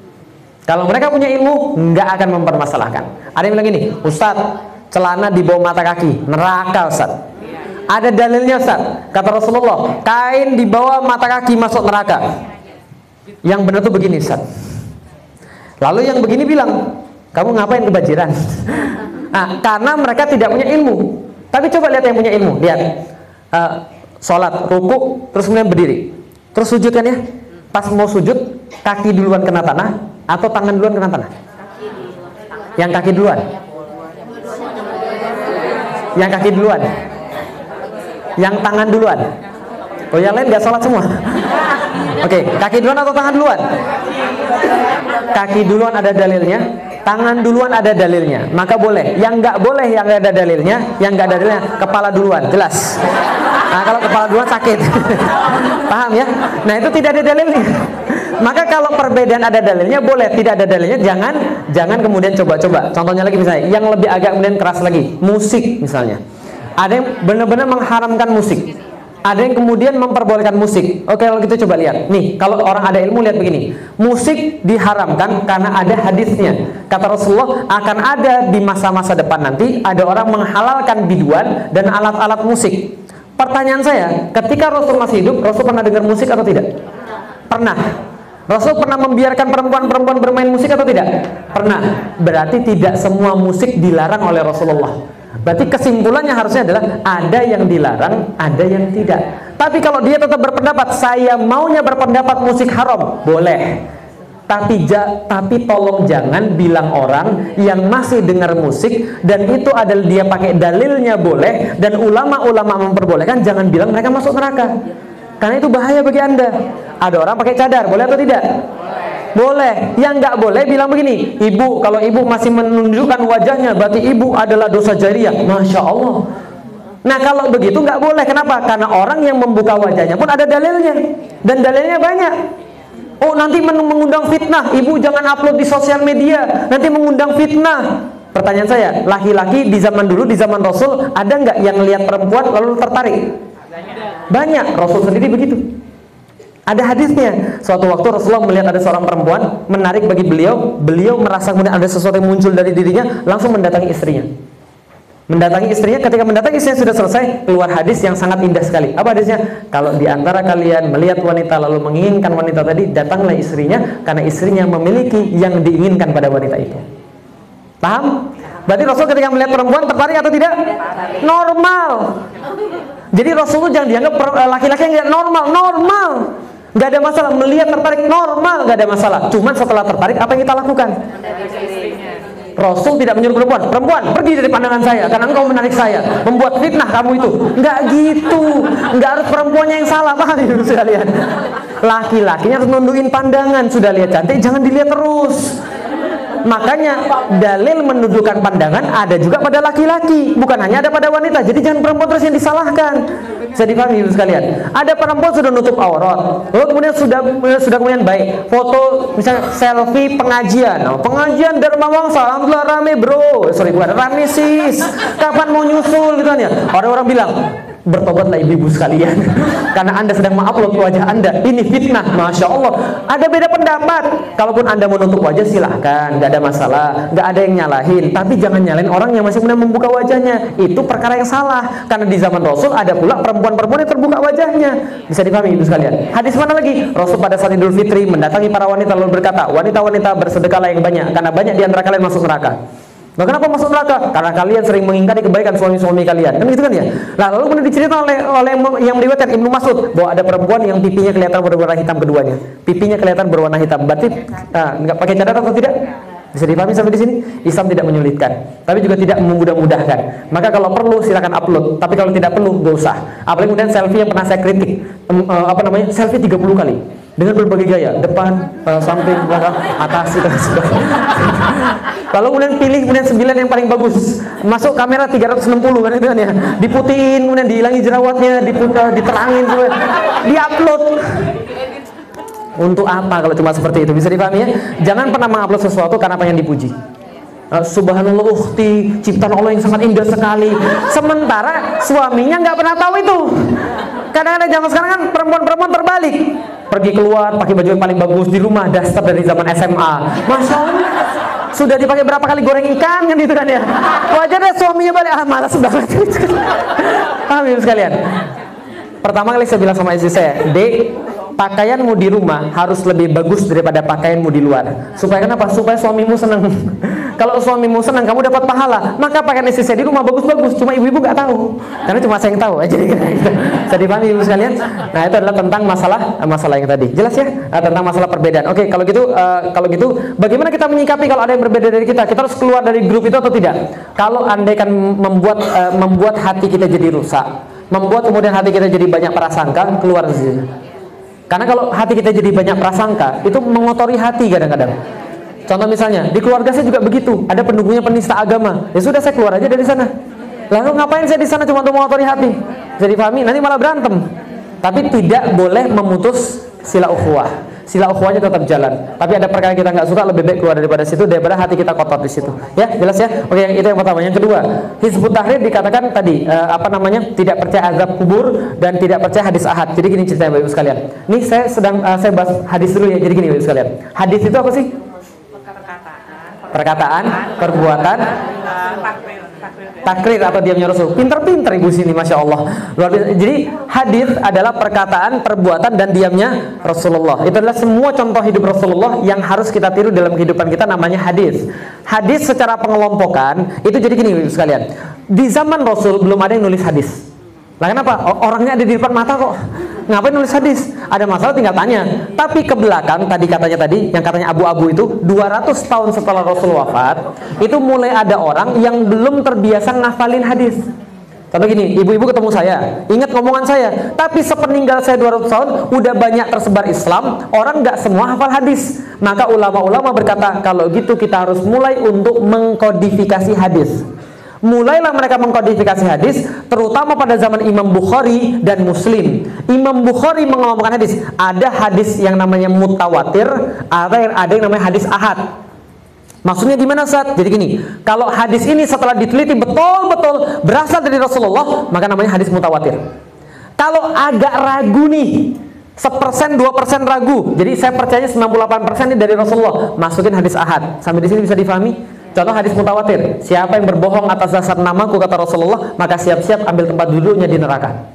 Itu hadis mutawatir dari Rasulullah betulan, bukan dari yang lain. Contoh hadis ahad banyak. Yang kemudian yang tidak masuk mutawatir ahad. Ahad ini sering kali terbagi tiga. Ya sorry, ahad ini terbagi tiga secara kekuatan hadis. Yang ini ibu-ibu sering sudah tahu.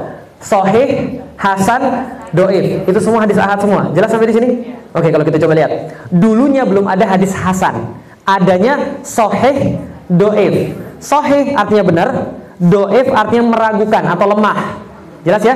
Lah, coba lihat. Imam Bukhari keliling dunia Islam mengumpulkan hadis 700 ribu biji. Berapa? 740 ribu biji kata orang yang lain. Tapi dari 700 ribu hadis itu dipilih, disaring yang mana yang kuat. Contoh misalnya, mau ngambil hadis, oh sudah ambil hadis. Tiba-tiba setelah ditinggal orangnya gini sama kuda. Manggilin kuda. Seolah-olah mau ngasih makan. Kudanya datang, gak dikasih makan. Langsung Imam Bukhari bilang, dia gak terpercaya. Tinggalin. Cacat ini. Orangnya cacat ini. Ngomong lagi sama orang. Gini, gini, gini, gini. Tiba-tiba dia ada yang lupa. Gak, gak saya terima. Jadi kalau saya ditemani Imam Bukhari sudah pasti, ah ini gak diterima nih. Kelihatannya udah gak diterima. Tapi kalau kayak Adi Hidayah, hafalannya bagus, oh ini diterima. Nah, jadi itu berdasarkan kekuatan-kekuatan tadi dibagi sahih, doif. Hasan belum ada. Dari 700 ribu hadis masuk Sahih Bukhari cuma 7 ribu, 7 ribu doang, bukan setengah, satu persen. Saking Imam Bukhari hati-hati, 700 hadis, 700 ribu hadis, jadi berapa? 7 ribu doang yang ditulis di situ. Yang lainnya masuk doif. Asik toh? Tapi ternyata Imam Muslim datang menurunkan standarnya, tapi masih ketat. Dapatlah yang jauh lebih banyak lagi, bukan hanya 7000 Datang lagi imam yang ketiga namanya Abu Daud. Abu Daud ngeliat, ngeliat yang doif-doif dari Imam Bukhari tadi. Ini banyak banget. Di antara 740 ribu cuma dia 7 ribu. Masih ada 700 ribu sisa lagi. Nah gimana caranya? Beliau bilang, oh gini. Jadi tidak sohe dan tidak doif saja. Tapi ada yang ketiga, Hasan. Hasan ini tengah-tengah. Masih di bawah sohe, tapi di atas doif. Hasan sohih ada Hasan doif lagi dibagi-bagi lagi. Nah yang ini masih bisa dipakai bu Hasan Hasan ini karena Hasan artinya baik. Nah masih bisa masih bisa dipakai. Nah itu semua terkait dalam hadis ahad. Ahad ada sohih Hasan dan Oke sampai di sini bisa difahami dulu. Oke kalau itu ya lanjut. Contoh hadis hadis ahad cara sholat Allahu Akbar Rasulullah mengangkat takbir itu setinggi telinga Setinggi telinga kayak apa, Pak? Bisa begini, ini setinggi telinga. Ini juga setinggi telinga, tapi kalau ini bukan. Tangan masih masih ada ukuran telinga, ini setinggi telinga. Ada yang memaknai begini, ada yang memaknai begini, jempolnya di telinga, ada yang kemudian atasnya di telinga, ada yang kemudian mengatakan sebahu. Allahu Akbar. Nah, itu ada. Tapi yang masyur telinga. Jelas ya? Itu hadis ahad. Sujud itu hadis ahad. Cara sujud seperti apa? Lutut duluan, tangan duluan. Itu hadis ahad. Semua tata cara sholat hadis ahad. Pertanyaannya orang-orang hizbut tahrir sholat atau tidak? Berarti pakai hadis ahad atau tidak? Pakai. Berarti fitnah kalau mengatakan bahwa hadis ahad tidak dipakai. Yang dikatakan oleh hizbut tahrir adalah tidak menggunakan hadis ahad dalam pembahasan akidah Kenapa dalam pembahasan akidah tidak digunakan? Karena masih ada keraguan. Sedangkan masih banyak hadis-hadis yang lain yang mutawatir untuk membahas tentang akidah. Bisa difahami? Contoh, Anda punya 1000 batu bata, Anda mau buat rumah cuma perlu 600 batu bata. Pilih yang paling bagus atau yang misalnya ada sedikit sedikit kemudian letaknya. Paling bagus. Itu nah, maksudnya adalah tidak dipakai dalam pembahasan akidah, tapi bukan berarti menolak karena sholat masih dipakai. Khilafah itu hadis ahad juga kembalinya khilafah, kembalinya kekuasaan Islam itu hadis ahad juga. Sedangkan orang Hizbut Tahrir memperjuangkan kemudian tegaknya Islam termasuk di situlah khilafah. Loh bagaimana menolak hadis ahad tapi khilafah hadis ahad? Berarti salah. Yang kedua, azab kubur. Azab kubur juga kita tidak tidak jadi ini tidak menolak azab kubur karena azab kubur dianggap hadis ahad jadi kemudian menolak jadi tidak seperti itu jadi gini singkat dalam ilmu Islam anda tidak mengambil yang satu bukan berarti menolak yang lain Contoh, ibu-ibu saya mau tanya, ibu namanya siapa ibu? Oh, takut ditanya kalau di depannya. Tapi pertanyaan saya pertanyaan saya tidak sulit uh, tidak sulit kok, kayak kayak Ustaz Salim Filah itu. Ustaz Salim Filah, uh, pertanyaan saya sederhana. Ibu suka es krim es krim coklat atau es krim vanila? Oh, oke. Okay. Strawberry, coklat atau vanila? Strawberry. Berarti ibu Oke, okay. ibu suka strawberry. Berarti ibu benci coklat ya?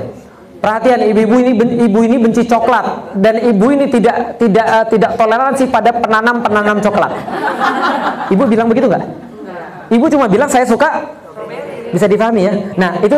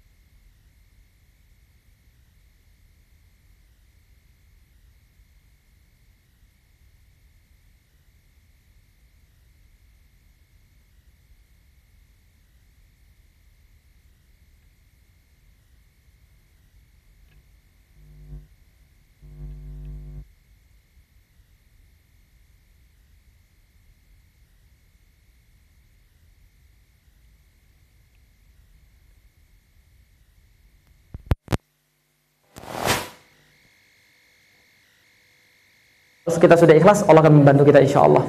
Dan sekarang memang perangnya begitu. Kita nggak ngomong apa pun, tiba-tiba kita dituduh. Ya memang sudah begitu adanya. Ya maklumi saja, bilang sama Allah saja, sekaligus santai saja, itu transfer pahala. Jelas ya? Karena Allah akan menolong orang-orang yang terzolimi insya Allah. Ada yang lain? Cukup? Boleh, silakan. Boleh. Aqsa? Hmm. pergi ke Palestina itu eh, apa pun maksudnya di mana pun kita berada ketika kita di situ meninggal terus sama dengan jihad Sama dengan jihad fisabilillah. Nah, jadi gini. eh, ada tiga tempat yang kata Rasulullah tidak boleh anda bersusah-susah untuk mengunjungi kecuali tiga masjid. Masjid Nabawi, Masjidil Haram, dan Al-Aqsa. Al-Aqsa ini adalah bumi jihad dari dulu. Yang pernah saya dapatkan dalilnya adalah bahwa itu barok nahaulah subhanallazi asra bi abdi lailan minal masjidil haram ilal masjidil aqsa allazi barok nahaulah. Berarti al-aqsa itu diberkahi oleh Allah sekelilingnya. Kenapa? Tempat turunnya para nabi di situ. Maka yang saya pernah dengar hadisnya adalah al-aqsa itu tanah-tanahnya, debu-debunya itu menghilangkan dosa-dosa. Menghilangkan dosa. Dan di situ ada bumi, ada bumi jihad yang terbaik namanya Askolan. Kata Rasulullah, yang terbaik ribat adalah ribat di Askolan. Atau yang terbaik jihad adalah jihad di Askolan. Askolan itu di mana tempat lahirnya Imam Syafi'i? Itu Askolan di dekat Gaza. Itu ada satu tempat namanya Askolan. Nah itu tempat jihad yang terbaik. Nah apakah setiap orang yang pergi Askolan itu matinya mati syahid? Walau bisawab, saya belum temu dalilnya. Tapi kalau misalnya kita niat untuk kemudian ke sana untuk berjihad, mati di mana pun ya matinya mati syahid insya Allah. Karena niatnya sudah untuk jihad. Jangankan pergi ke sana. Kata Rasulullah, seseorang itu jihadnya bisa dengan dua cara. Barang siapa mempersiapkan orang-orang untuk berperang di jalan Allah, untuk berjihad di jalan Allah, maka dia dicatat sebagai orang yang berjihad. Berarti kalau ibu-ibu nih insya Allah, ini saya niatkan, ini saya kirimkan, ini untuk pasukan-pasukan di garis depan yang ada di Palestina misalnya. Itu insya Allah ibu-ibu sudah dicatat sebagai orang-orang yang berjihad insya Allah. Nah jadi orang-orangnya mati, matinya mati syahid nggak? Insya Allah pahalanya mati syahid. Nah jadi kira-kira gitu. Oke, jadi tapi saya nggak pernah menemukan siapa pun yang pergi ke sana lalu mati maka mati mati syahid, mati syahid. Belum pernah menemukan dalilnya kecuali kalau ada dalilnya boleh dikasih tahu ke saya nanti saya cek benar atau tidak. Gitu ya.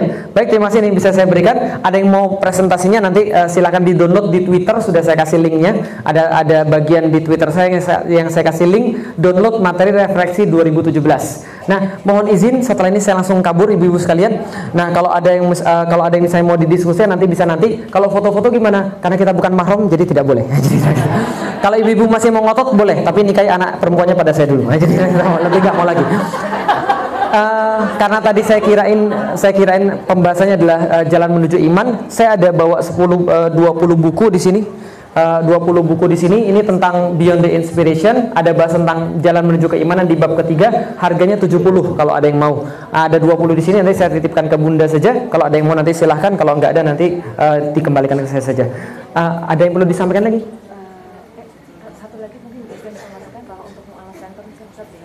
Oh baik, mualaf center. Ada banyak mualaf di sini. Enggak, tadi ada yang bertanya. Oh, ada yang bertanya. Jadi gini, kalau mualaf untuk untuk para mualaf di Jakarta dan di Indonesia itu kebetulan belum ada satu organisasi seluruh Indonesia yang menanggung mereka.